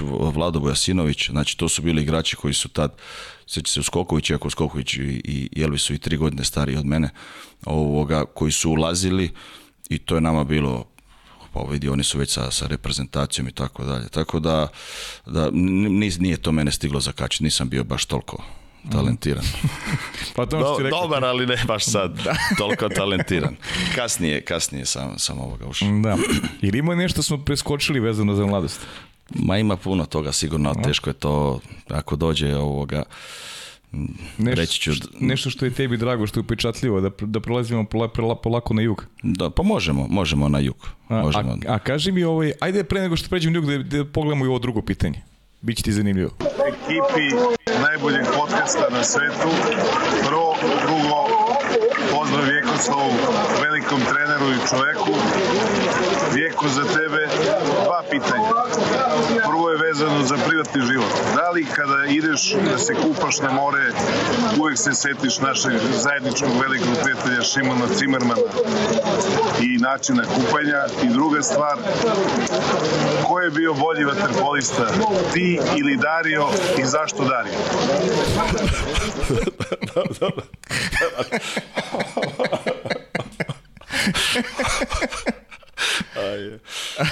Jugoslava, Jugoslava. ne znam, prvo ne znam o čemu se radi, mora priznat. A, evo. ti znaš, kaži. znam ja. Ima e, naš jedan veliki prijatelj, član naše generacije, Šimo Cimerman, uh-huh. dečko iz Zagreba, iz mladosti, ovoga, tad ima jednu dogodoštinu kad se tako kupa u moru i kao, kao mali i bili su valovi, onda on plivao prsno i ovoga, dok je plio prsno, onda je jako otvara usta, diso i u trenutku dok je na ovoga tako otvorio usta je ovoga komad izmeta uletio njemu u usta. I, I, to je, to je, i, evo, to je Jugoslav ostao iz našeg druženja kao. I sad, ovo, ovaj, kako će Šimun reagirati kad ovo čuje, sad cijeli svijet zna. Ovoga, žao se dogodilo na plaži dok je bio dijete. Neće ga pa poljubiti pa više nijedna. S obzirom da nije oženje, neće ga poljubiti više nijedna žena u životu. Možda se zato nije, ni ženio. Da, možda, možda se već Još uvijek da, ostale, ostale su posljedice. Moguće, vidi da... Pa da, moguće da se zna. To ti misliš da se ne zna, možda se već zna. Eto, veliki pozdrav Šimonu i nema na čemu, ovoga, ali zahvali Jugoslavu za ovo. A, bolji igrač, naravno da je bio da, je bio moj brat. Ja nisam bio igrač, ja sam bio umjetnik. A ti bio umjetnik, Ali umjetnici su nekad neshvaćeni. Da. A šta je Dario Milostov u Waterpolu? Nije, nije, on nije imao nikakav interes. Kasnije nešto se malo vratio upravo kluba, ali, ali nije u principu tu smo mi imali drugačije ovoga, drugačije puteve mhm. i razmišljanja, tako mhm. da, da ne. On gleda, prati, apsolutno ovoga, kompletan waterpolo, ali nije uključen u njega. Ne, rekao si da će pređemo mnogo ne, ne prelazimo na jug, nego prelazimo na ono što si uradio kroz igračku karijeru, a uradio si mnogo toga kao reprezentativac Hrvatske, e, osvojio si olimpijsku medalju, olimpijsko srebro, e, ajmo da evociramo te uspomene da li si zadovoljan srebrom, da li je moglo više, to je to su olimpijski krivo Atlantio, tako? Tako je. 96. godine e,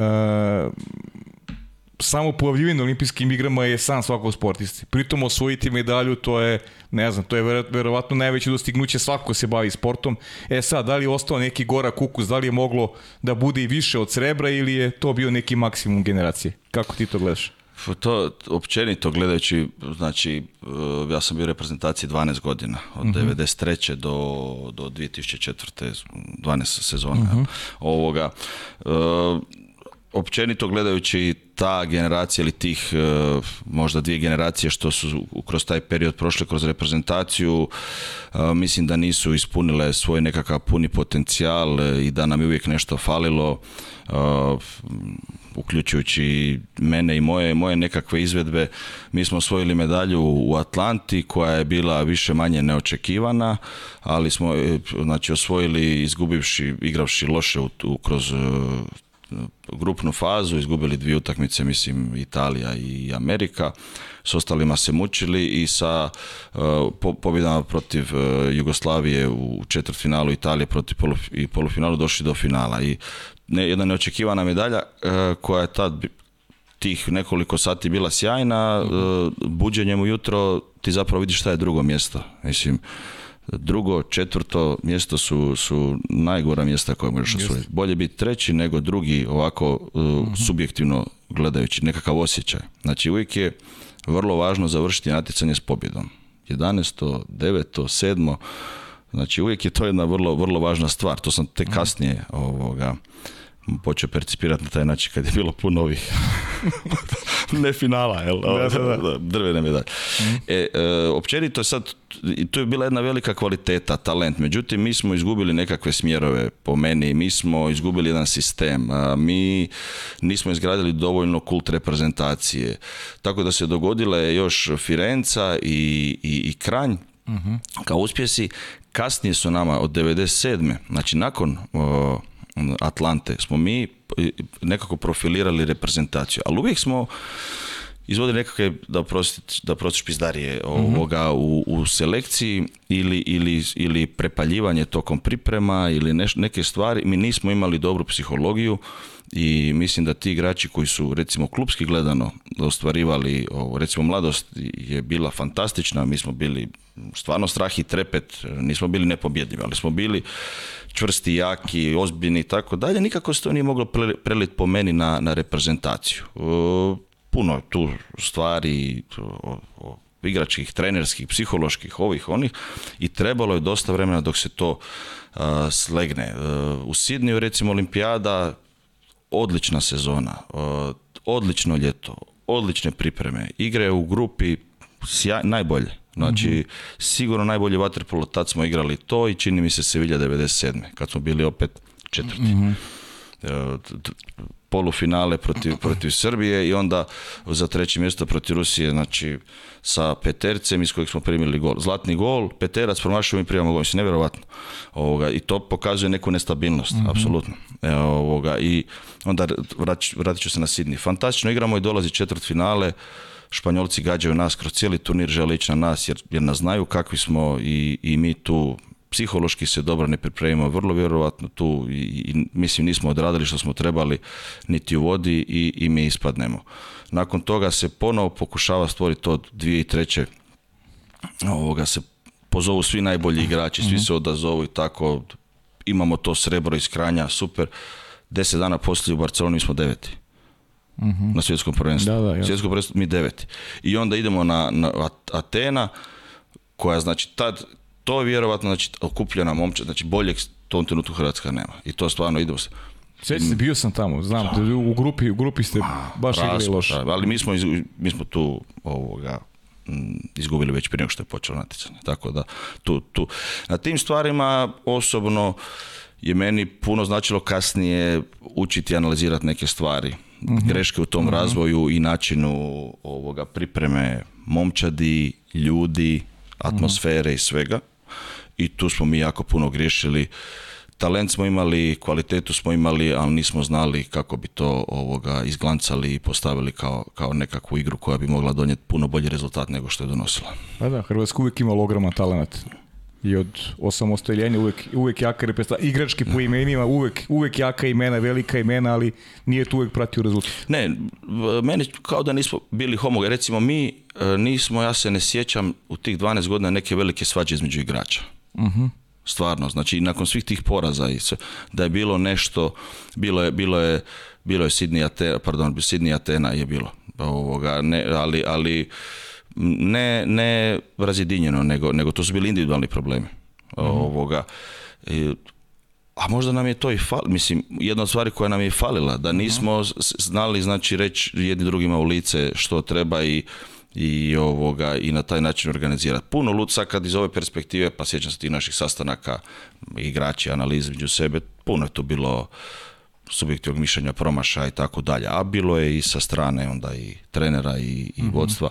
Savez tada nije bio uh, toliko organiziran ovoga ko, danas, pa tako da je tu bilo onda sve to skupa je bilo u nekoj bespotrebno smo neke, neke stvari uh, tamo početku 90-ih makli, od, od, od, od, kako se zove, razrušili možda neke sisteme i, i onda na dužim putem to, to vraćali nazad. A kako se izgledala ta terivalstva u bazenu, pogotovo ono vreme, ono je bilo ludo vreme, ono 96. Atlanta, Susrica... Jugoslavijom susre, igraš protiv prijatelja, pritom znamo svi kakva je bila i, i politička situacija i generalno situacija u regionu. Kako si doživljavao te utakmice i si osjećao neki posebni naboj? Jeste da si igraš protiv ljudi s kojima si odrastao, ali opet je, opet je sigurno onako dru, dru, drugačije, drugačije pogled s obzirom na, na, na, sve ono što se dešavalo. Pa, e, meni, znači tu su dva pogleda. Mhm. Pogled okoline i javnosti i, I pogled nas samih. Znači tvoj pogled mora biti sportski. Tako je. Vrlo jednostavno, to je tvoj mhm. posao i po meni tu ne bi trebalo uključivati e, pretjerano puno nekakvih dodatnih emocija jer one mhm. samo skreću, skreću pažnju toga. E, bježati od problema i povijesti ne možemo, niti, niti trebamo, niti, niti, ovoga smo tu da, da, to, da to mijenjamo, ali e, rivalstva i, i taj nekakav e, sportska kolegijalnost mislim da će nama ostati zauvijek. Uh, naša priprema tu je, je, bila, je bila svakakva, ali ne vidim da je tu meni osobno bilo nekakvog većeg odskakanja jer smo imali puno problema s Talijanima recimo ovoga, recimo oni su nam bili veliko napaljenje svaki put. S njima smo koji put mhm. i znali ima dobre, dobre rezultate ovoga. Bilo je tu momčadi koje bi nam definitivno stvarale probleme s kojima smo imali eh, unutar, ovo recimo sa Jugoslavijom, Srbijom, mhm. to je bio folklor uh, o, ovako generalno. A, a ono unutar bazena bilo je tu još drugih momčadi koje su tu eh, puno, puno žešći ovoga uh osjećaji su bili nego, nego ovdje. Ovdje, znači, kad krene utakmica, to jedno, ono, sve što vaterpolo dopušta da bi se došlo, došlo do pobjede. Ne sjećam se, nema ni jedan igrač kojim sam tad igrao iz Srbije, pa nema ni iz ostalih momčadi s kojim sam imao incident tokom utakmice da poslije mi ne bi razgovarali nešto. Da, da. Dobro, imao si uspeha generalno. Firenze je također preko preko Srbije do, do medalje, tako beš isto neko četiri je, finale. Je. Eh, u Atlanti takođe isto je bilo uh, eh, četiri finale, tako da imao, imao si uspeha, ali ima neki neki poraz koji ti onako ostao ne nevezano za Srbiju, nego, nego neka, neki poraz koji ti onako ostao, ili, taj Sidney možda najveći onako... Uh, Sidney i Sevilla. Sidney i Sevilla, Da, ali, uf, uf, znači, aj 93. Sheffield idemo kao sa svime najbolje što je, međutim to nije bilo homogeno, to, to, to onako. Mhm. tu, tu, se, tu se išlo, ajmo na brzaka nešto osvojiti, to nije dobro ispalo. 94. Mhm. Rim, podmlađujemo se, e, ne igramo loše, polufinale protiv Italije, nikakve šanse nismo imali, tu Italija bila dominantna tada ovoga. E, međutim, za treće mjesto protiv Rusije imamo utakmicu u svojim rukama, sve na kraju gubimo, znači nekakva psihologija to je bilo sa, sa pokojnim Brunom Silićem, trenerom koji uh, se rijetko spominje, koji ne dobija neki kredita, da. po meni jedan čovjek koji, koji obilježe jednu, jednu, jedan period i od kojeg sam ja puno naučio i koji imao uh, ljudski jedan odličan pristup. pristup On Jadran tako, tako je. Tako, mhm. Jadran, pa Triglav, pa iz Kranja, pa Glifadu, bio uključen rad uh, omladinskih selekcija Jugoslavije i onda je došao u, u mladost, onako bez nekog velikog backgrounda, ali mhm. osvojio nekoliko naslova prvaka i, recimo on je udario teme 96. za, za osvajanje naslova prvaka Europe. uh To smo sa Bonetom osvojili. uh Fonda imamo 95. Znači medalja na pladnju, ta Italija podmlađena e, ovoga, mislim da Srbije tad nije ni bilo. E, da na, u, u, Beću ako se ne varam. I mi gubimo od Mađara u polufinalu, ok, ajde Mađari su tad uvijek jaki. Za treće mjesto od Njemaca, Mislim, neobjašnjivo. A to mi nije recimo da mi ostavlja neki gorak kokus ali znači jedna medalja manje. Mhm. onda dolazi Atlant, opet nije bilo zlato. Znači zlato te... Zlato ti nedostaje u karijeri. Zlato te stavlja na... Da. Zlato je balkon. Sve ostalo je, mm. je podrum. Mhm. Ovoga. 97. E, smo igrali fantastično i tu smo krenuli nekako, mi se čini, napokon se ozbiljili i počeli slagati stvari i tu smo igrali odlično nažalost nesretno i nespretno u polufinalu od Srbije i onda isto tako od Rusije, to je jedan psihološki naš pad bio gdje smo trebali izvući najbolje, ali mi smo svaki put nakon nekih poraza pokušavali puno toga mijenjati, umjesto da bi ostali na tračnicama pa, pa promijeniti neke sitnice, ali ne, ne, ne sisteme. Ne, da, ne. 98. Pert ništa, to svjetsko prvenstvo smo bili loši, to baš dezorganizirano i tako dalje. 99. dolazi novi trener Neven Kovač i mi uvijek sa nekakvim novim trenerom krenemo u, e, I onda je to bila Firenca. Mhm. Onda smo Sidni odigrali najbolje, to je bilo ipak najbolji vaterpolo po meni i tu ta jedna utakmica, ali džaba ti sad priča da si bio najbolji kad, kad nisi došao i kad, ti, mhm. kad si na jednoj utakmici tako, tako puknuo. prve jako loša godina, dvije druga. Isto tako onda dvije treće idu Kranji i, onda Atena kao nekakva akumulacija svog našeg, svoje neke naše mekoće ovoga, a, pri na tako važnim natjecanjima. Znači, igrači u najboljim godinama, vrhunski igrači, tu baš, mislim, bez daljnjeg to i, i da mi sebe dovedemo da smo, ja se ne znam, su bili 11. 10. ja nemam pojma. ne, pa da, mislim, definitivno znam, znam da Hrvatska igrala u finalu. Strašno, to, to, to tih E, ja sam sebi imao ovoga nekakvu kao osobnu ambiciju sportsku kao odigrat četiri olimpijade ako je moguće, tamo znači do Pekinga. Ja više nakon Atene, niti bi me iko, ne bi sam sebe više zvao. A ovoga, mhm. i, e, međutim... Kaj pa si razočarao, jesi? Pa ta Atena je bila ogromno razočarenje. Mhm. E, tih, tih, neko, tih sedam, osam, 9 dana tog, te agonije u toj Ateni, ja to nikad neću zaboraviti i, i od jedne Atlante i Sidnija koji su generalno, bez obzira na rezultate, to, o, što ti kažeš olimpijada, znači to je, to je vrhunac. Znači to i u Atlantika ti uđeš u onu, onu kantinu pa onda staneš iza onih košarkaša, rukometar, tih ljudi koje ti glaš na televiziji, onako kretih idola, slikaš se s njima, to, to, je, to je jedan neobjašnjiv osjećaj. Sjajan. a u Ateni to više meni ništa nije značilo, jer to je toliko bilo porazno iskustvo za mene i osobno, ja osobno e, nisam, mislim da sam nakon jednog sukoba e, mog osobnog mm, i trenera trebao izaći tokom tog ljeta i olakšati momčadi i sebi ovoga, i mhm. treneru. E, A koji je bio trener, za Roje, da. Mislim da sam tu trebao jer, jer evidentno meni tamo nije čak bilo ni mjesto. Znači, to sam trebao prepoznat. I, Misliš zbog kvaliteta igre ili prosto svega, nisi uklapao, svega, svega. Ne, nismo imali, i, sve, ja to ne zamjeram. Znači, e, okay, pa vidim. Ali, ali bolje da me se nije zvat, recimo, bolje da, mhm. bolje onda ne, ne, ne zvat nego, nego nismo, ja sam sa, igrački super, ti, svi ljudi, to su i pune tamo i mojih prijatelja, mislim sve, ali ja nisam, to nije bilo dobro iskustvo.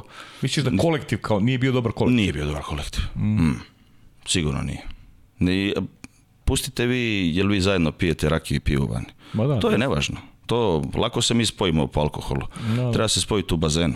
E, tu, pa tu, je najvažnije. Tako je, tako je. a pa ti vani, svak na svoju stranu. To, Možda ja ne pričate ali bitno je da ste u bazenu skladni. Da, da znate šta, šta se do E, mi tu nismo bili. Ni o, put trenera, ni put nazad, ni put igrača međusobno i tako dalje. Mhm. To, je, to je moje mišljenje. Evo, okay. Ono, moje kolege ovoga kažu drugačije. Ali tu je prvo, znači, suma sumarum, uvijek prvo gledaj sebe. Da. Znači, ja ovdje ne krivim nikoga. Ja sam trebao izaći s toga i, i, i olakšati svima, prvenstveno mhm. sebi. Mhm. Znači, i, i, i, analizom sebe i svojih postupaka čovjek može, može napredovati. E, I tek onda može analizirati druge, da bi, da bi bio bolji, kvalitetniji, da bi, da bi napredao. Uh mhm, -huh. Mhm. Pa dobro, kad se bereš vijeku, kad, kad se bereš karijeru, ovaj, bio si prvak Evrope klubski, osvojio si kup Evrope klubski, osvojio si medalje na olimpijskim igrama, na evropskim, na prvenstvima. Uh, lepa karijera igračka, generalno. Generalno lepa karijera, zaista. Je, a sad, evo, koja je to, znači, moja su očekivanja vjerovatno bila veća. Mhm. Individualna i ekipna. Mhm. Uza za moju karijeru. I onda ovoga, stalno, kao da sam negdje jurišao. I onda, e, e već sam ti spomenuo, recimo do 22. se dogodilo sve meni najbolje i najvažnije u, u mojoj igračkoj karijeri, vaterpolskoj. mm Nakon toga igrao sam do 33. Ovoga, nema puno stvari koje, koje, koje su mi ostale u nekakvom sjajnom sjećanju. I E, mislim, upravo radi tih nekih ambicija gdje sam sebi sam zadao, ja e, hoću ići na četiri olimpijade. E, sportaš mora imati neki cilj, naravno. Mora imati nešto i tako dalje. Mhm. Ja sam to krivo kod sebe odrađivo u glavi ili sam profil koji, koji to nije trebao raditi. Mhm. Kad sam postao trener, ja sam se postavio drugačije. Moja očekivanja su drugačija, realnija. mislim da više stvari, pa naravno znam, nekakva saznanja i tako dalje. I u principu svaki dan Eh, idem na posao svjestan da ja možda taj dan više na kraju dana neće biti trener juga ili gdje ću biti. Znači, i to me, na neki, to me zadovoljava. Ovoga, eh, naravno da idemo jako, da idemo svoj tako da, ali malo sam smanjio, barem taj period svih očekivanja. A u tom waterpolu ja se sjećam da sam stalno negdje jurišao. Ja bi sad ovo, ja bi sad ono pokušavao sam biti sportaš, živit e, sportski, radit to, e, ostvariva te ambicije, onda kad se one ne dogodi, u principu ne uživaš na putu mhm. svega toga. Mhm. Jer kad ti misliš da je nagrada na kraju, nije nagrada je put. A, mhm.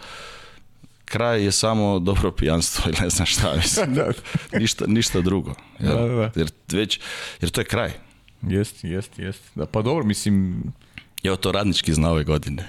znači, na, na, na, teži način. Pa manje to, više, da. da. to je, nema toga. To je, to je kraj. uh Ovaj put, ako ti uspije sa trofejem, e onda fino otvoriš to sve što si prošao i to je, to je trofej. Mhm. To je trofej. I kad si to dignuo, to, to, ili stavio tu zlatnu medalju, e drugi dan toga više nema. Mhm. Koliko god tebe proglašavali još, mislim, vječno ćeš ti biti prvak, da se razumijemo i tako dalje, ali, ali to, je, to je za almanahe, to je za, za tebe, za tvoju sportsku karijeru. To je gotovo. Mhm. A kaži mi, nevezano za sport, e, kako pamtiš te, te, olimpijske igre? Eto, bio si svedok, tri puta si bio na olimpijskim igrama. Je li ima neki susret koji ti onako bio drag sa nekim sportistom, sa nešto što je izvan sela, onako, izvan u stvari, izvan tog nekog sportskog, uh, sportske priče?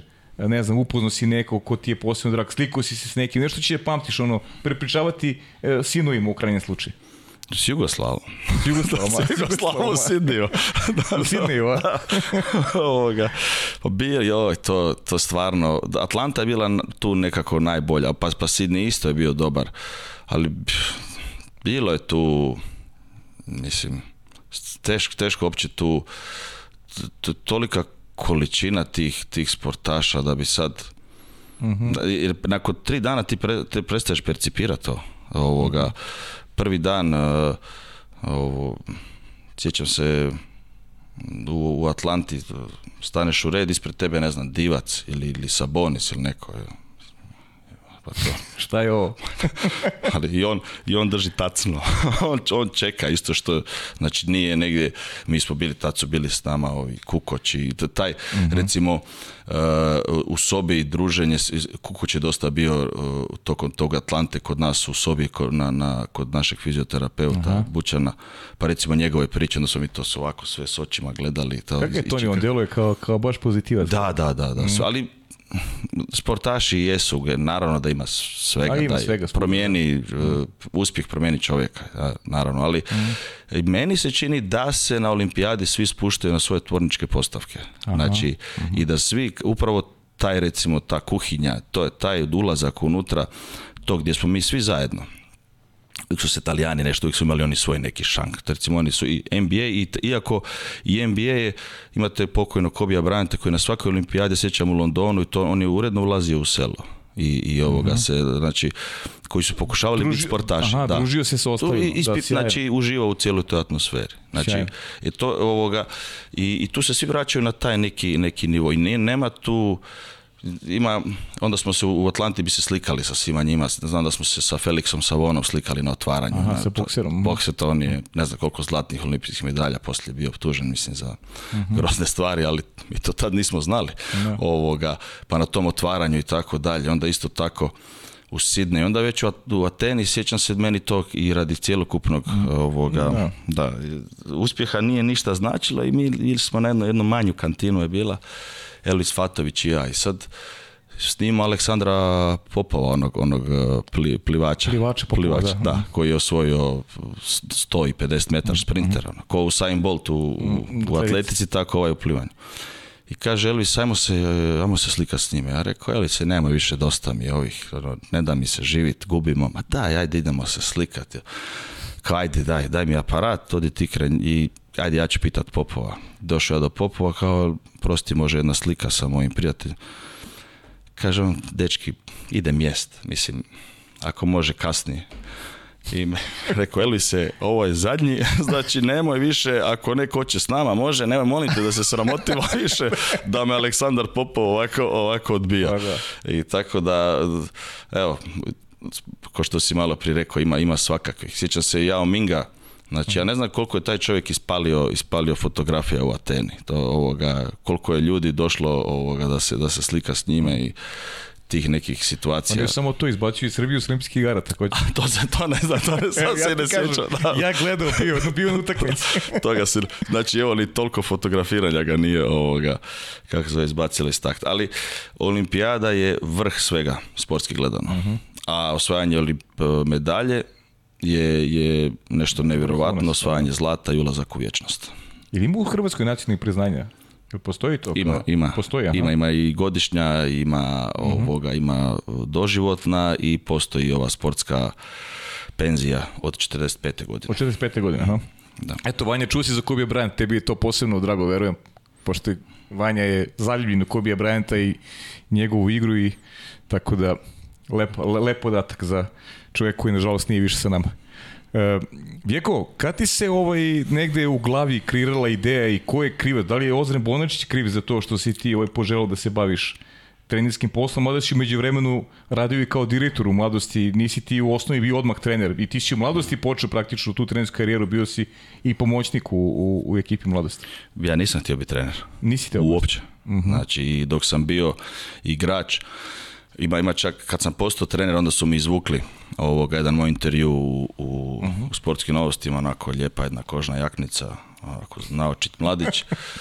Nikada neću biti trener, moja budućnost je kafić ili završavanje fakulteta. Evo, tako, tako otprilike je skraćeno. Dobro, fakulti, si završio, dobro. I imao i kafić.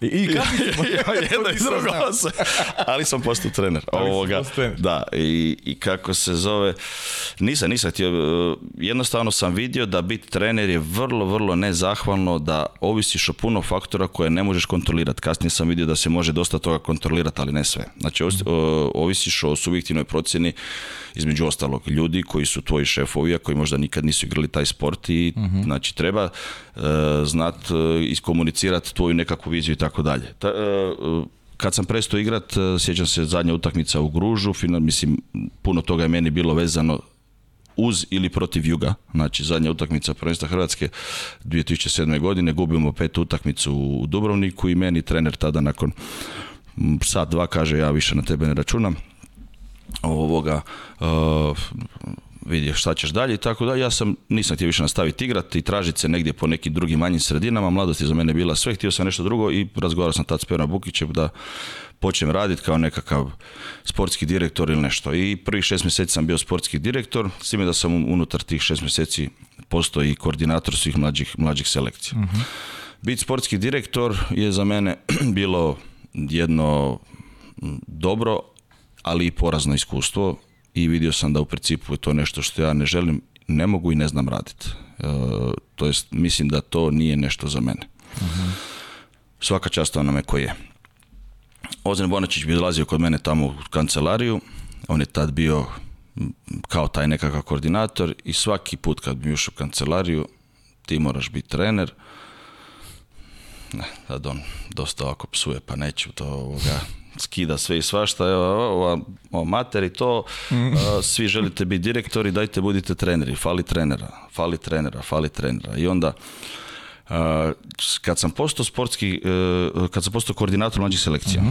znači šef svima, e, ja nisam mogao biti šef trenerima ako ja sam nisam osjetio šta znači biti trener. I onda sam ja rekao da ću ja uz jednog kolegu Brkića, trenera Golmana, preuzeti upisnu kategoriju, ono. znači prvu natjecateljsku, to je do 12 godina, uh nade, mi to zovemo nade, ovoga, i da ću e, voditi njih i biti šef, tako da vidim kako se zove, kako to funkcionira općenito. Prvi moj trening sa tom djecom je meni rekao, znači ti ćeš biti trener. Mhm. To je nešto što ti želiš raditi. Definitivno to je vrlo zahtjevno s tom djecom raditi i fizički, znači fizički zahtjevnije nego, nego recimo ove e, seniore. Ali to je tako jedno zadovoljstvo na kraju, e, praznina, e, energetska, ali jedno zadovoljstvo kad ti vidiš djecu kako, kako napreduju, kako, kako rastu vaterpolski, a i ljudski. Mhm. Ovoga. I onda sam odlučio biti trener, a vrlo brzo kako je došlo do smjene trenera u, u mladosti, a bone je postao prvi trener i rekao ti ćeš biti sa mnom pomoći trener, sad pusti ovo koliko možeš, ideš sa mnom, tu više nije bilo priče koliko god mi se htjelo i ne htjelo i onda sam postao pomoćni trener i na taj način sebe nekako, to jest i klub me i Bone, a i sam sebe usmjerio put, trenera. Mhm. I dobro, kako onda dolazi do toga da ti kao pomoćni trener mladosti nisi ovaj, imao neki samostalan posao, odakle taj kontakt sa Jugom i kako se dogodilo te prelazak u Jug, u Dubrovnik? ja sam 2011. E, postao prvi trener mladosti. De, aha, postao si prvi trener da, mladosti? Da, mhm. ja sam četiri godine bio prvi trener mladosti. A jesi, aha, da, to je... Ja sam je, od 2008. do 2011. sam bio pomoćni trener. Prvo aha. Ozirnu Bonačiću, onda Emilu Nikoliću. Aha, I... Emilu Nikolić, Emilu koji je sad u, u, šapcu, šapcu koordinator. Tako, tako, znači njima dvojici, puno mi, su mi značili jedan i drugi. Mm ovoga. Emil recimo vođenje utakmice, Bone nekakve osnovne postavke, mhm. ljudske i, trenerske. To i dan danas ja čujem s Bonetom, nisam dugo i zamjerio mi je, čuo sam i moram ga nazvat. Pa previše sam ga spomenuo ali ja ti sugeriram da i njega pozoveš u ovu emisiju. Slušaj, ja sam već imao, ja sam već imao ovde e, poruke da bi trebao da ga pozovem sa velikim zadovoljstvom, da. Ali ja moram to, ne znam kako prosto to da naprim e, Evo, spojit ćemo se. Ne, Ajde, e, znaš, ja ne znam da, li... Oni imaju ono, još one dok su živi, jel, ovoga, me, ovi zlatni iz Meksika, oni imaju ta druženja, on je još vitalan. Pa, Molim ti, hvala ti puno, eto, unaprijed se zahvaljujem. Eto, to, to Super, hoću. Ovoga, mislim da je s njime vrlo razgovor interesantan. Uh, I onda sam 2011. postao trener, mhm. bio sam četiri godine trener pre momčadi mladosti, u jednom periodu dosta teškom financijskom i organizacijskom, ali mislim da smo neke stvari uspjeli postaviti na noge i 2015. usred sezone, duše što uvijek će ostati ni meni se ne sviđa da sam otišao usred sezone, ali takve su bile okolnosti i odlučio sam se za prelazak u jug. Ja nisam na prvu, mene jug te godine već zvao, tamo negdje nakon turnira Kupa, mhm. me, me Lukša Kobušić zvao, jedno sedam dana sam se razmišljao, nakon razgovora sa, sa klubom, s mladosti, sam odlučio još ostati, mislio sam da će to eventualni, eventualni jer sam, tad sam rekao Lukši, pa ti imaš dobrog trenera Miška Bobića, dajte mu samo morate pomoć da, da, da prebrodi tu sezonu, imate dobru momčad, tad je Primorje bilo dominantno u, hrvatskom prvenstvu i mislio sam da će to eventualni poziv biti tek na ljeto. Međutim, tad je Lukša Kovušić izveo jedan taj salto mortale, to on uvijek radi. mm Nakon 7 dana rekao, dobro, nema problema, sve ok, ti ostani sad u mladosti, ali sljedeći put kad te nazovem, nema pregovora više ja da ga skinem, rekao, ma naravno, nema više pregovora, sve. I on je mene nazvao prvog, trećeg, bili, baš smo bili u Beogradu, izgubili od zvezde i sjećam se da ovoga, on me nazove kaže, sjećam se što smo razgovarali, što si mi rekao da nema pregovora, ja rekao, jesam, moramo držati riječ i eto. Došao se sezone što tu sam ostavio mladost i to je, to nije najbolji način, mislim, ali... odluka je bila tu. Ja snosim eventualne posljedice za nju. Mislim da sam napravio u konačnici dobro za sebe i za jug. Možda čak i za mladost. Mhm, pa dobro. neki istorija pokaže. Isto, šta je istorija pokazala do sada? Ti si najuspješniji hrvatski trener klubski. Ako si ja ne 14 trofeja do sada ili sam mhm. možda, možda sam ti ukrao neki, izvini ako jesam. Ne, e... na, na, mi se Juga, a ima baza, ne znam, pisali su mi i recimo Ivana i Mateja, tu on, obavezno su mi, kad te da. pozdravim puno. Imaju i neka pitanja, to ćemo za kraj ali ovaj, mislim da je neki 14 trofeja, od toga sigurno najznačajnija ta titula da. prvaka Evrope. Pa to je ono najvažnije. svaki trofej je, to, to je trofej svih nas, prvenstveno, to nisu isključivo moji, nije floskula. Naravno jug tako i funkcionira, u principu ne dozvoljava da se, da se sad ti uzdižeš iznad tog kluba i ne bi trebalo to tako. Klub mhm. je najvažniji, to je meni vrlo brzo dano do, dano do znanja, sjećam se nakon jednog intervjua, vrlo, vrlo jasno dano do znanja, to je to tako treba i biti. E, mislim da je 14, da li 13, 14 ili 15, to apsolutno nevažno. Da, mhm. ovoga, i, a najvažnije naravno Liga prvaka, to, to mhm. bez danjeg. To je nešto što te stavlja u, u kategoriju, kategoriju iznad. uh Hoćeš malo da se pristiš malo te godine pošto je to za tebe najvažnije kao trenera, sa pričamo o tebi, ne samo, ne samo o klubu. E, ja sam recimo gledao u Solnuku onaj, onaj Final Eight kad je bio u Mađarskoj, Uh, tad je bio Jugi igru polufinalu, čini mi se tako, ali Jug je nešto ono što je karakteristično za klub i za taj neki tvoj period da konstantno se Jug nalazi u završnici, kak god da je sastav ju kao veliki klub imate najveće ambicije, ne možda osvojaš svake godine, to je logično. I pričao sam jednu interesantnu stvar pre nego smo došli u, u nego smo došli u studiju, ne znam da li, da hoćeš da, da kažeš i javno da generalno klub kad osvoji nešto da treba da napravi neki, neki, neki reset, hmm. da ne možeš da ponavljaš rezultate, nije, nije, nije normalno da budeš šampion svake godine. Da, nije. E, Jugo 2015. Uh, e, svake godine minimalno peti u Evropi. Mislim da mhm. nije bio ispod petog mjesta što nije mala stvar. Po, ja mislim, po, s obzirom na, na sve, dobro, mi smo i redoviti, znači imamo wild card, ne, ne prolazimo sustav kvalifikacija, ali mi smo konstantno pri vrhu i naravno unutar regionalne ili, ili lige ili hrvatskog prvenstva. E, da li smo mi trebali tad, e, e, znači ima i ta jedna priča,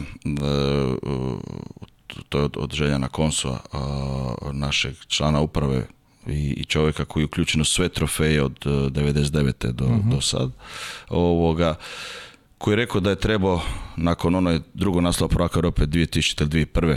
Ovoga, kada su pobjedili Olimpijakos u finalu, Beći u polufinalu, e, pa 2006. ili 2007. kada su e, rekao u finalu i 2016. kad smo pobjedili Olimpijakos, da se treba napraviti resetiranje, mhm. jer ulazak u sljedeću sezonu E, je onda uvijek sa većim troškovima, mhm. većim očekivanjima, a di ćeš više od ovoga što si napravio. Mm -hmm. Ja sjećam te 2017. Uh, e, kako se zove, uh, nekako prazninu, mi smo nakon, meni najstresniji dio od, ovako u sjećanju Juga je bio nakon osvajanja Lige prvaka u Budimpešti, šest mjeseci pripreme za osvajanje superfinala, gdje moj prijatelj i predsjednik tada Lukša Hobušić, znači tu večer mi kaže, e super, e sad idemo nakon što smo osvojili Ligu prvaka, e sad imamo svoj super kup, hoćemo sve. Ja rekao, Lukša stani, čovječe Bože, ono, za šest mjeseci super kup, realno, jel ti znaš da smo osvojili super kup? Jel znaš ti, ne znaš? Pa ne znaš, znači ne. niko to ne zna, to je jedno više manje nema. Nama je važno bilo da smo s time zaokružili mhm. priču Petro da. Ali sjeća tih šest mjeseci ja sam razmišljao o Breši super finalu, jedna utakmica u Dubrovniku mi smo bili fantastični, sve to, ali šest mjeseci te tog nekog stresa je, bio, je bilo previše. Mi smo ganjali. Nakon toga je došao jedan vakum nekoliko mjeseci. Ja sjećam sebe i momčadi, mi smo bili nekako prazni. Tad smo trebali ili E, se drastično znači zarezati pod mlad, to jest malo pojeftiniti tako dalje, ili se još pojačati. I tad smo mi imali, vrlo blizu smo bili dogovora sa Nikolom Jakšićem recimo. I to mi je... To je znam, znam da, e, i tad je, recimo, to je možda bi bio taj neki jezičac da budemo možda dva put prvaci, jer dobili bi mhm. jedno, jednu novu glad, nešto bi dobili unutar mhm. momčadi. Međutim, nije se dogodilo ni jedno ni drugo, jel? I mi smo onda na kraju bili odlični, super sezona. Sve smo osvojili do, i igrali finale sa Solnokom. Međutim, Solnok, Olimpijakos, Reko, tada mi smo dobili Reko u polufinalu, Olimpijakos prvi dan, bio Eger tad odličan. Eger bio odličan. To, odličan. Mislim da i Breša, bila, Breša je tu bila, ajde recimo Mrvicu slabija. Znači nikakvu sigurnosti nemaš ovoga osvajanja i ponavljanja. Mi smo bili dobri, bili smo blizu ali evo u konačnici to mi čak i nije e, nekakav trofej koji, za kojim ću najviše žaliti to kad su bili kad, što nismo ponovili ligu prvaka meni više žao kad sam došao pa da nismo osvojili prvenstvo ili, ili kup mm prvaka tamo 2015. kad sam tek došao to mi je recimo mhm. više žao mhm. a sezona bez trofejeva prošla to, koliko ti to teško pao? Pa je, je, ali... ali... kod radničkog finala, izgubili ste finala, radnički regionalna liga da. protiv, protiv mladosti 2-0 u seriji da. E, prvenstva, na kraju mladost okrenula 3-2. Kako, si, kako si tu sezonu ovaj... Pone neuspješna, bez danjeg, to, to uopće ne treba mhm. potrebno po, posebno naglašavati. Ona je bila specifična, korona, baloni, zaraze, e, pripreme reprezentacije, turnir e, kvalifikacija reprezentacije u drugom mjesecu u Rotterdamu, isprekidana i tako dalje ali da se vratim na ono što sam malo prije rekao, prvo treba krenuti nekakvog analiziranja sebe, svojih postupaka, mhm. tu sam ja napravio nekoliko grešaka, na kraju sezone ušao jedan sukob koji, koji, nas, koji sam trebao izbjeći e, e, unutar momčadi uh -huh. ovoga i nismo imali dovoljno psihologiju niti fizičku snagu da bi, da bi izvukli tu sezonu sa nekakvim trofejem. Znači mi smo stalno bili na toplo hladno, toplo hladno, a kad su bile najvažnije utakmice mi smo bili na hladnom. I, I to onako sezona koja e, nama u konačnici može dobro doći. Mislim da nam je dobro došla za, za nekakve zaključke i, i okretanje nekim, možda smo neke stvari trebali i ranije ovoga prelomiti pa, pa, se, pa se okrenuti na, u drugom smjeru. Ali teško vam je to, znate, ne možeš ti ni tako uh, sad, donositi neke odluke e, vezano riješiti se nekog igrača koji je tebi donio bio u najplodonosnijem razdoblju tvog kluba koji ima 100 godina, ima 60 i ne znam 6 trofeja i stvarno tih 2016, 2017, 2018 to, mi smo imali e, od ne znam od 15 e, finala 13 trofeja mislim tako nešto 14 znači Le, lep procenat da da i, i sad kako ćeš ti nekome, ajde idemo mi sad, ne trebate nam više. Znači, mislim da Juk tu dobro radi, on, on nekako pazi na svoj imidž, iako ne možeš sve zadovoljiti, ali, ali onda u principu mislim da smo trebali nekakve strateške odluke donesti možda, možda malo i ranije. Ovaj, imam još, još dve teme ove ovaj, koje moram da obradim, ne smijem da ih zaboravim kažem ti mogu bi ovako s tobom ja šest sati pričam i ponovit ćemo sigurno, obećaj mi samo da će doći ponovo. Ja više o Waterpolu nego nekim doživljajima možda bi, ono, nisam ja ovaj pripovedač za, za doživljaje. Pa, ja, ja sam i želeo da pričam o Waterpolu, prvi put se susrećemo i drugi put ćemo malo neke, neke druge teme da obradimo, a na što me zanima da ne zaboravim, bio si selektor Hrvatske reprezentacije U20 na svetskom prvenstvu u Pragu. Ono što su pričale i kolege i e, ono što je interesantno vezano je za taj neki stil igre koje je Hrvatska propagirala tamo, pritom jedini poraz u Srbije koja postaje svetski šampion, Hrvatska je bila peta i ono što i treba da bude osnovni cilj, ja sam to čitao, naravno veliki pozdrav i za kolegu Eh, Andriju Mirtića čitam redovno njegove njegove ove analize i eh, zaista je zaista je sjajan eh, Danču šta, šta ste ovaj ili to to svesno si igrao tako ili Hrvatska nema Hrvatska je poznata po dominantnim centrima i si ti želeo prosto nešto da promeniš to neka tvoja ideja, da li nema Hrvatska tih talentovnih igrača na poziciji centar kao što imala ranije godina, ili si prosto želeo da probaš nešto novo, ono što mi se dopada, tvoja izjava da je ideja da igrači napreduju i da postanu bolji, i to i treba bude neki cilj tih svetskih juniorskih šampionata, da za selekciju se polji igrači koji će biti naslednici postojećih i tako i treba se razmišlja bez obzira što je naravno rezultat bitan, bitan je, javnosti je bitan više nego vama, ja to znam, ali e, svi su onako niz pohvala izdali na račun igre Hrvatske na tom prvenstvu u Pragu. Koliko si ti zadovoljan e, tim nekim inovacijama koje si, koje si uveo i koliko si zadovoljan napretkom igrača? To je najvažnije od svega. Da.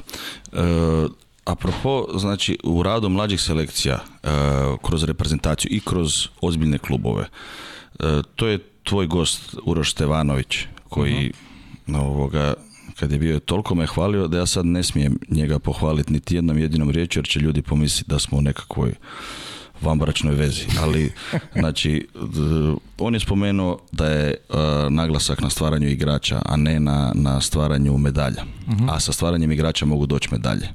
Mhm. I, I bolje nego da, da je obrnuto. Imamo puno situacija gdje se, se, se osvajale medalje, ali nisu izašli igrači. I to je onda jedna mala korist u, svemu tome. E, do nekakve igre prošlo ljeto smo došli o kojoj se puno priča, ne znam da li to sad da li ona toliko zaslužuje pažnje ili, ili ne, jer e, e, na kraju krajeva mislim da nisam ja prvi koji je krenuo sa nekakvom drugačijom filozofijom.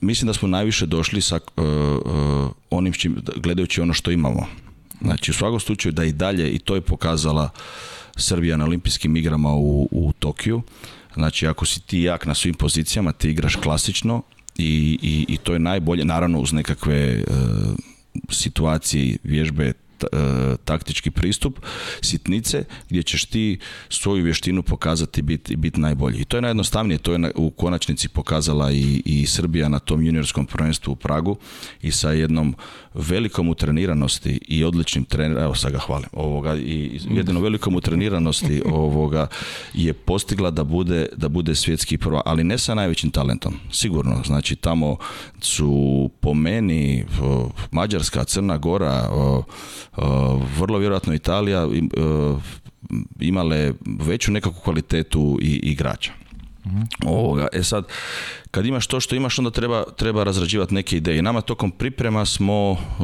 s obzirom da smo pokušali velik broj igrača, mhm. neki se nisu pojavili, neki su otpali radi ozljede i tako dalje, smo slagali nekakav koncept.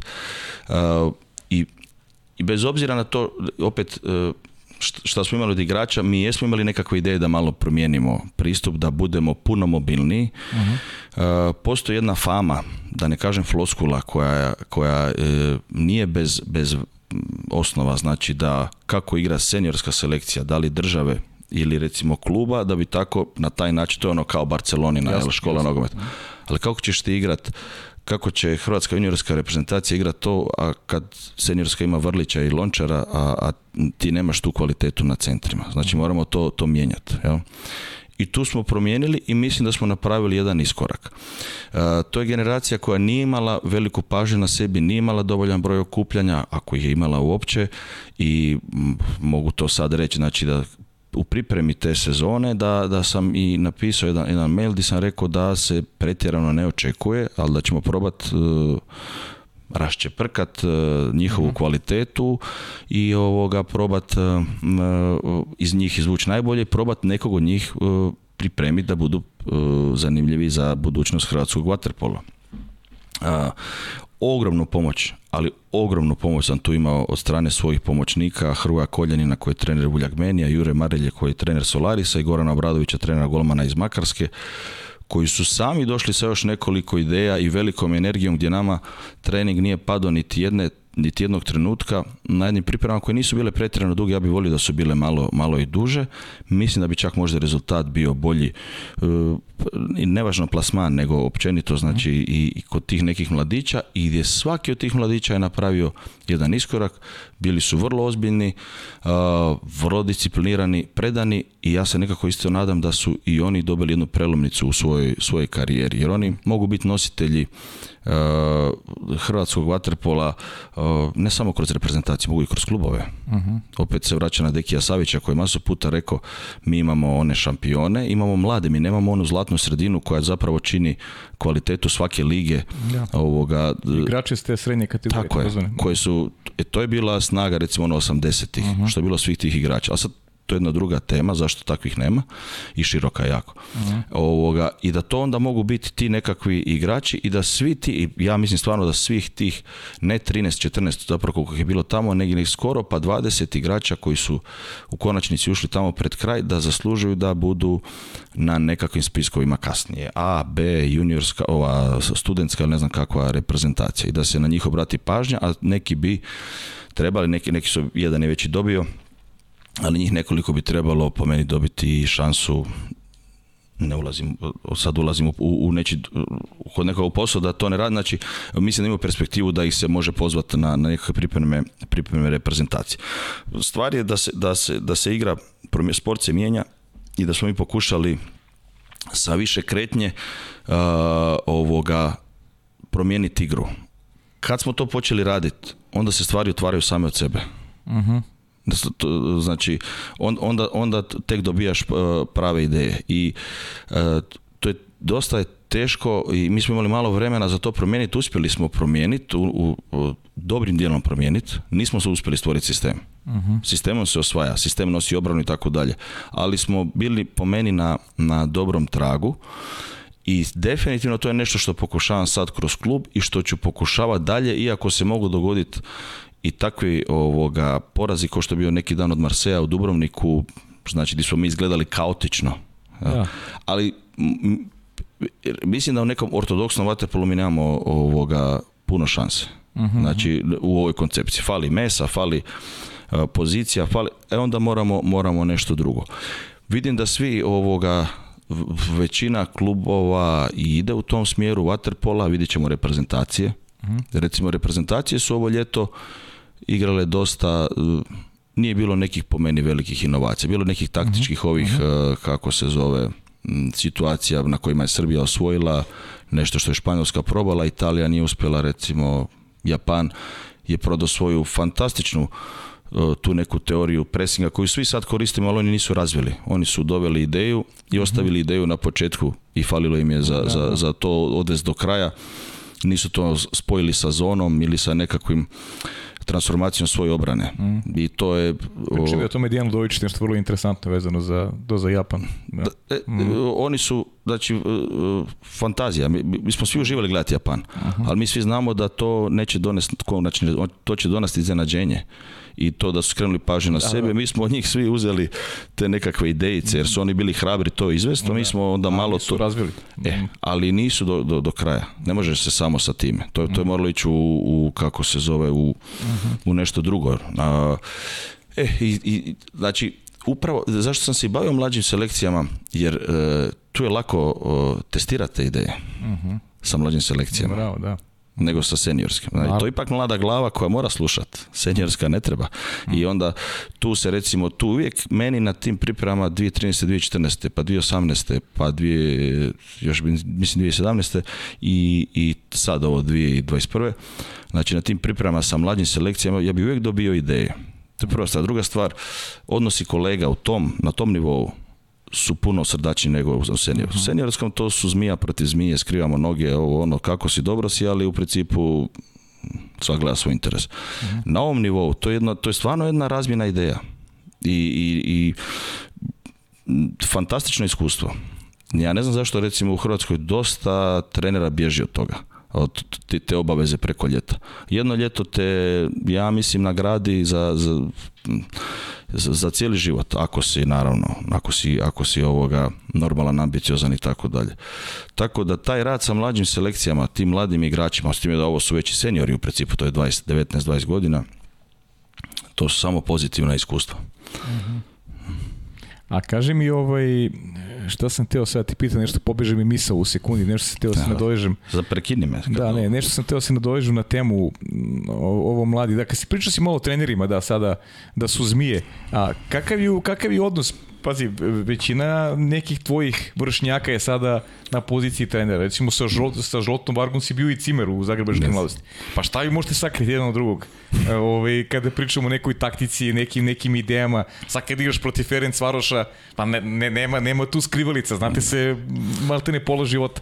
Znaš kako sa žoltom, mi smo čak i fizički tad barem bili slični i jedan dan žolt izlazi iz slačione, moja baka je došla ovoga gledat utakmicu i dole čeka da me pozdravi, izlazi žolti i ona dolazi njemu vijeko bravo na utakmici danas. E, mi smo, znači, ono, kompatibilni bili kompletno. Ono Žolto pa pošto znam da, da, da je naučio hrvatski, tako, da, tako, da ga dovesti sigurno. Je, e, e, puno je tih igrača, recimo tih stranaca, baš jako utjecalo i na sredine, Žolt Varga, Rebašća Mahidze, znači to su bili... Mhm. ne samo igrači, to su bili intelektual, to su intelektualci. Mhm je ono što si ti na početku spominjao recimo za trenera i ta ovo su mhm. igrači ko, želite sliko tad, ne znam da li još uvijek slika on je bio slikar, e, Čamahidze je multipoliglota, on je, nekakih nekakvih 7-8 jezika govorio diplomata mislim sjajan, evo, vidim sad da je otišao u politiku, ali dobro, to je sad neka druga stvar. Mm. Ovoga, e, sa sam ja i htio otvorit e, kafić. Da, da, da. Tad, pa se ja otvorio, on je tada otišao i tako dalje, ali jedno sjajno iskustvo i to su te, ta neka prijateljstvo za, za cijeli život. Šta možeš sakriti? Ne možeš sakriti puno. Moje pitanje je uh, u kojoj si sredini i, i uvijek je pitanje u seniorima psihologije, t, t, nadahnuća i, i tako dalje.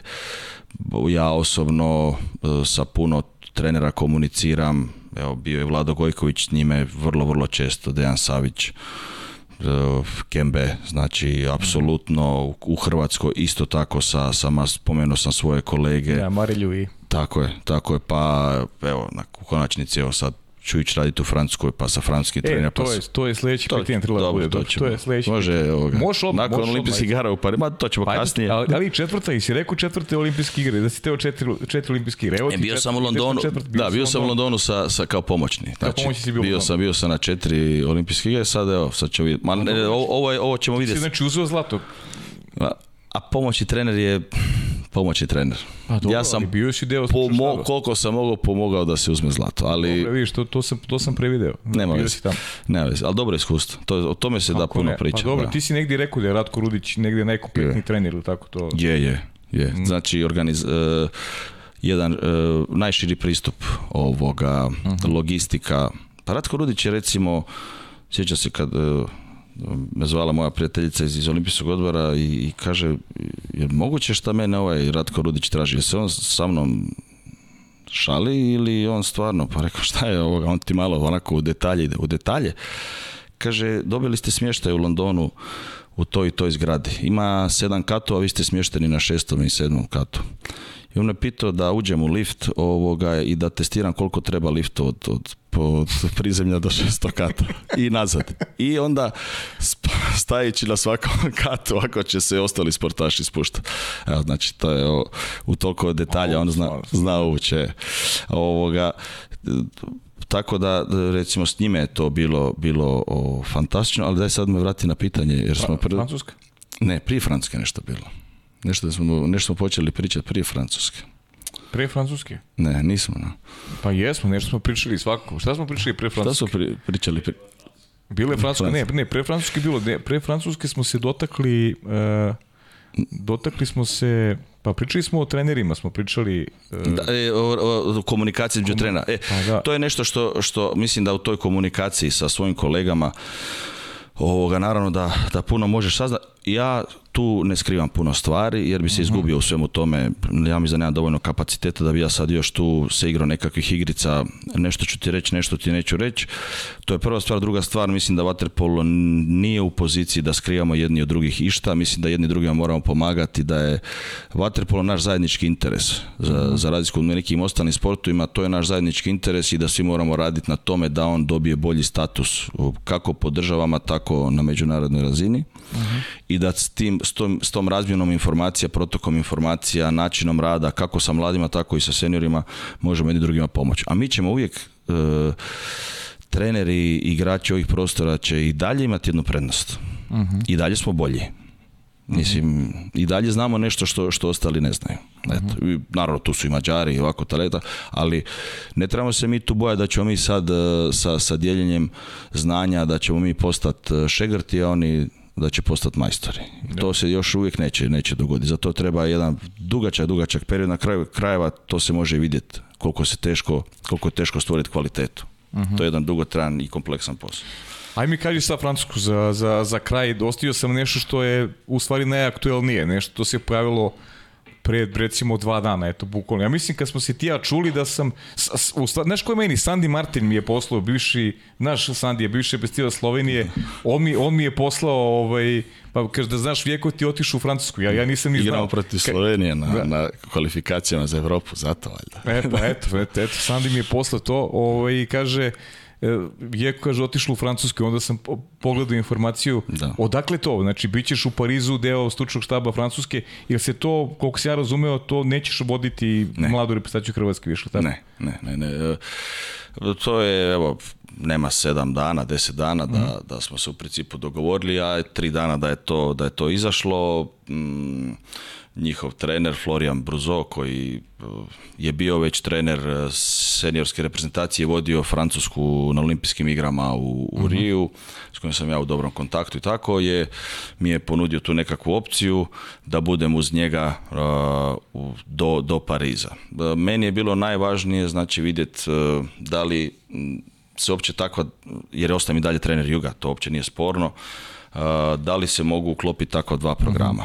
Ja i dalje to ne znam, ali mislim da se, da se može, vidit ćemo. Zato nisam htio prihvatiti do olimpijskih igara, nego do sljedećeg ljeta i Europskog prvenstva u mhm. Splitu i tako smo se dogovorili da budem uz njega i uz eh, francusku reprezentaciju u tom periodu sad kroz sezonu koliko mogu, iako ne mogu puno tako da vjerojatno neće moći ići niti na kvalifikacije za europsko prvenstvo koje je u Sloveniji, što je vrlo važno, mhm. ali eko, nadamo se da ćemo se mm, kvalificirati, ja već govorim mi. Mm, e, francuski vaterpolo je u velikoj ekspanziji, to je jedan veliki izazov za mene, koliko god onih očekuju i naravno da ću ja pokušati njih učiti nešto što ja znam. Ja isto tako, s obzirom da to je velika sportska nacija koja u principu svim momčarskim sportovima osim u waterpolu postiže ogromne rezultate i oni razvijaju te neke sisteme. Mene to zanima da vidim kako sve to skupa funkcionira i evo za, za sedam dana idem dva dana gore idem upravo na INSEP, njihov taj mm institut za sport, mhm. gdje su svi, svi sportovi, evo ti nekakve stvari mene zanimaju i veselim se, veselim se tomu izazovu, veselim se, ja se nadam, i učenju francuskog jezika i ja bi, e, uopće neću govoriti zašto sam otišao, ja, ću, ja samo želim govoriti zašto sam došao negdje. E, mhm. Znači, i zašto sam otišao u Francusku, a rad sa mlađim selekcijama, malo prije sam ti rekao koliko mene to ispunjava, ja bi to radio i besplatno, ovoga, jer to je nešto što je za mene e, sjajno mjesto ali u ovom trenutku nekakvom u svojoj karijeri e, sam odlučio da bi se htio baviti s ovim i, pokušati s ovom izazovom. E pa i sad, ovaj, pošto smo ušli već u, u treći sat, ja ću sad iskoristim malo neka pitanja pa da odgovorimo što je više moguće. Da, dosta. Da, pa mislim, znaš kako, mogli bi zaista i mogli i šest sati, ali ovaj... Prekiniti mene, ne, ne, neće ti ovo puno ljudi do kraja, tako da, znaš... Hoće, hoće, na, znači, hoće, veruj mi da gledaju. E, samo ti kažem ovako, e, pitanje je jedno, ajde, e, ili imaš ambiciju da budeš e, seletu Hrvatske jednog dana, Ivici Tucku ne krademo posao, bit ćemo do januara, nego prosto pričamo o ambiciji. Vidiš sebi jednog dana kao, kao selektora Hrvatske? Pa, kao prvo, znači, ja sam i sljedeći četiri godine trener, po, po, ugovoru po... trener kluba mhm. Jug. i moja trenutna razmišljanja da bih uh htio to biti i duže od toga. I moje ambicije su u principu e, dobrim dijelom ispunjene, ispunjene sa time. Mhm. E, bilo kakvo kalkuliranje, znači e, sa mjestom selektora je bespotrebno stvaranje pritiska Tucku, hrvatskom vaterpolu, i, i meni osobno. Hrvatska ima svog trenera koji je uh, po medaljama vrlo, vrlo uspješan i mm, ona će nastaviti dalje s tim trenerom i, i ja im želim apsolutno sreću s, time i ja sam bio dio projekta, znači radeći sa mlađim selekcijama i, i pripremom igrača, ali ne samo kroz mlađe selekcije, nego jug je tu vrlo važan jer uh, uh, da li neko to prati, ne pratio, Jug e, je posljednjih 20 godina najvažniji klub za, za razvoj Hrvatske vaterpolo reprezentacije i bit će i dalje. u, mhm. to, u to sam uvjeren. Šta će se događati u budućnosti, o tome ne treba uopće razgovarati. Da li sam ja vidio neku svoju veliku perspektivu upravo za to mjesto, trenutno nisam, zato sam se odlučio za Francusku ovoga, kao nekakav dodatni izazov. Međutim, vodit, e, opet ću ponoviti, tako dvije važne e, dva, tako dva važna programa i teška, upitno da li se može tako da to treba vidjeti. A samim time vođenje e, kao glavni trener reprezentacije ili kluba, to, to, ja, to, to su mogli Gojković, Vlahos ili Savić, ja, ja im evo skidam kapu. Stvarno ne znam ovoga kako uspijevaju. Mhm. Kako su uspjevali. E, Vuk Vuksanović, trener koji radi u Nemačkoj, pita Kaže, koje bi crveno vino preporučio i koliko ima veze sa njegovim dolaskom u Francusku? Kupi novo. Kupi novo. Kupi novo, neka proba. Ova, ova, ovoga nisu dobra za, za krvnu sliku. Dobro. Ne. Tako da, pa nije, ne, ne, ja na posao someljera, vuče pa... Ako je ovo bilo da se kupi boca vina, kupit ćemo, ali ne mislim. Dobro. Da. Marko te pita da li možeš sebe da zamisliš kao, nekog, e, kao trenera nekog kluba u Srbiji? E, ko zna šta, mo, šta nosi, mhm. e, znači to budućnost će donesti svoje izazove, ako dođe do tog izazova definitivno ovoga, je nešto o čemu treba razmisliti. Znači, mhm. e, o, to je ovo koji sa, koji sa selektorom hrvatske reprezentacije. Nezahvalno je opće kalkulirat e, šta će biti u budućnosti, ali da uh, e, vaterpolo, ovo što si, postoji taj vaterpolo svijet. Ja sam dio vaterpolo svijeta. Prema samim time, znači, mislim, nadam se da sam odgovorio na pitanje. Jesi. E, naša draga Aleksandra Milošević, onako stalno postavlja onako interesantne pitanje. Eto i posjetnik, ti si završio ekonomski fakultet, ono što je negde e, ide uz vaterpoliste generalno da obrazovanje nikad nije ovaj, na, u drugom planu naprotiv, nego ide ruku pod ruku sa, sa vaterpolom, ali na taj način šaljete lepo poruku ovim klincima u kom, u kom pravcu treba da idu. Pa Zato da, nije loše podsjetiti se i toga. Da, e, to je vrlo važno. Naravno, mi završavamo i fakultete jer e, sam Waterpolo neće ti osigurati dovoljan broj mm, financija i sredstava za nekakav miran život i nakon tvoje karijere, pa samim time to daje veće mogućnosti, ali bez toga mi apsolutno skoro pa da tjeramo naše, naše mlade igrače da, da mhm. upisuju fakultete i da ih završavaju i imamo razumijevanja za to i to je nešto što možda naš sport malo i, i razlikuje od nekih drugih sportova. E, ne smijemo se zavaravati da sada smo mi ne znam kakvi akademici, ali da, da se da, da je to vrlo važna komponenta našeg sporta je. Mhm. A to što sam ja završio ekonomiju, ja se iskreno nadam da neću nikad raditi to i da me niko nikad ništa neće pitati. Moji interesi su sasvim drugačiji i mislim da sam trebao nešto drugo izabrati, ali sad to je već to je za nas. Kakav je, kakav je Viktor Rašović bio i utisci e, treniranja Perone, evo pitu iza Peronea. Oj. Ovaj, Viktor Rašović je jedan sjajan dečko, dečko. Htio sam reći dečkić, ali mhm. dečko. Stvarno, evo, ovoga, njegov utisak e, koji je ostavio u Dubrovniku je fantastičan. Neki dan je baš jedna ovoga, i novinarka zvala pa kaže puno pozdravite Viktora i stvarno jedan, jedan e, utisak koji ostavi ostavio u Dubrovniku je, je sjajan, to je toliko jedno jednostavno dijete, ja ću ga reći, jer tako on i dalje izgleda kao, kao dijete, ali naravno kao vrlo ozbiljan igrač i, i veliko je zadovoljstvo da je on, da je on bio, bio sa nama i da smo mi isto tako na neki način njemu pomogli u karijeri i, i nakon nas je on ovoga, bio on i prije dobar igrač, ali mislim da mu Jug isto tako tu pomogao. A što se tiče Perona, ja ću to kratko reći ovako. Koliko god da sam ja vodio Perona i pomogao njemu, toliko isto tako Perone pomogao tebi. meni, učio i, i vodio i on mene i nas. I to su, to su, to su ti igrači. Sjajno. E, a još dva pitanja Aleksandrina, pa, pa imamo još samo, eto, još malo pitanja da, da prođemo. Kaže, izjavio si pre nekoliko godina e, vezano za promjenu vatrpolu pravila. E, rekao da Srbija, Mađarska i Hrvatska prilagode novim pravilima, a oni zbog kojih su donete ne uspevaju u tome. Da. Da. Interesantno. Je, jer e, u, promjenu tih pravila su uključeni svi ti, e, ja, ja te instance toliko i ne znam, recimo ja se mhm. s time ne bavim za razliku od nekih svojih kolega, pa šta je to TVPC, LEM, Biro, FINA, uh Biro, Delegates ili što već, ovoga, i onda tu ima svakakvih tih prijedloga i iz raznih zemalja tih e, delegata, predstavnika, ali mi imamo snagu i mogućnost e, u bazenu da se i, i broj radnih sati sa kojima se puno lakše prilagođavamo tome e, nego oni za koje su ta pravila pod navodnicima donesena.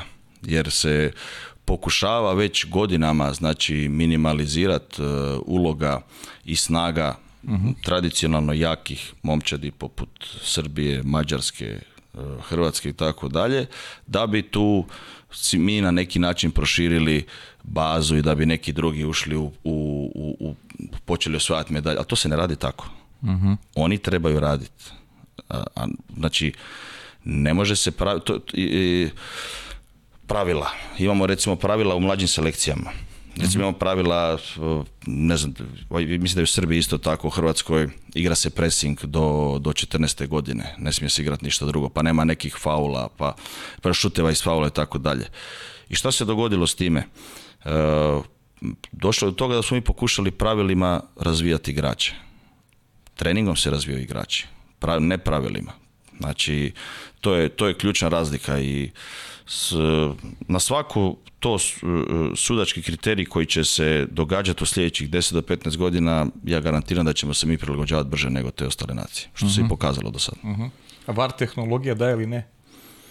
Pa da, ali ona nije u Waterpolu čista. Mislim, mi ne vidimo šta se događa, prva stvar, jel tako? Znači, ona onako to opet u ono underground. Znači, Kako tebi delo ova situacija ono Srbija-Španija? Šta si ti pomislio pa, kada si gledao? Pa, mislim da, da to ne može biti nivo donošenja odluka ako mhm. smo već to donijeli. Ili onda pusti sucima pa smo jedini sport. Jer eh, ja nisam za pretjeranu trenutnu upotrebu. Imamo recimo eh, princip NBA-a gdje se sad zaustavlja svakih dvije minute ovoga igra i ide se na nekakvu mhm. analizu. Ja nisam za to.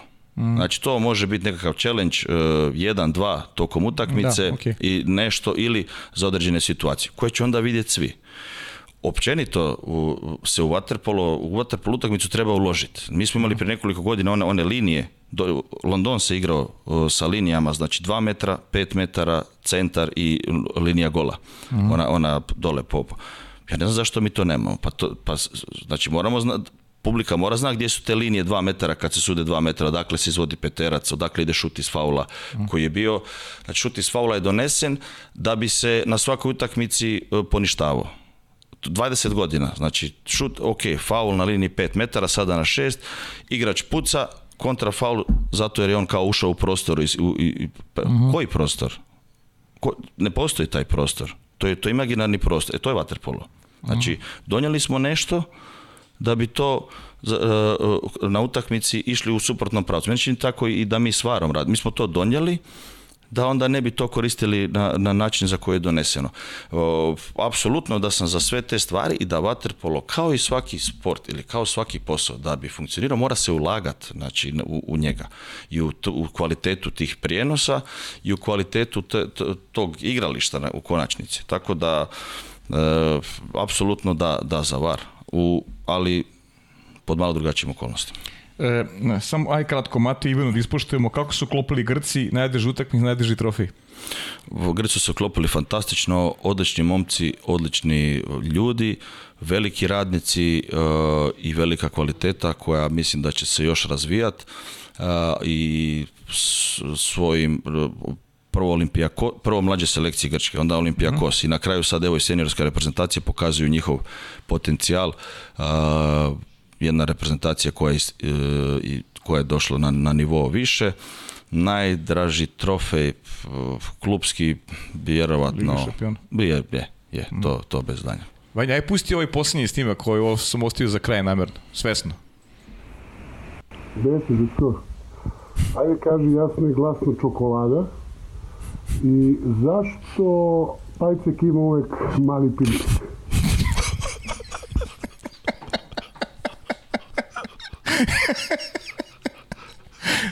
Deki u dok se svije, pregori čokolada.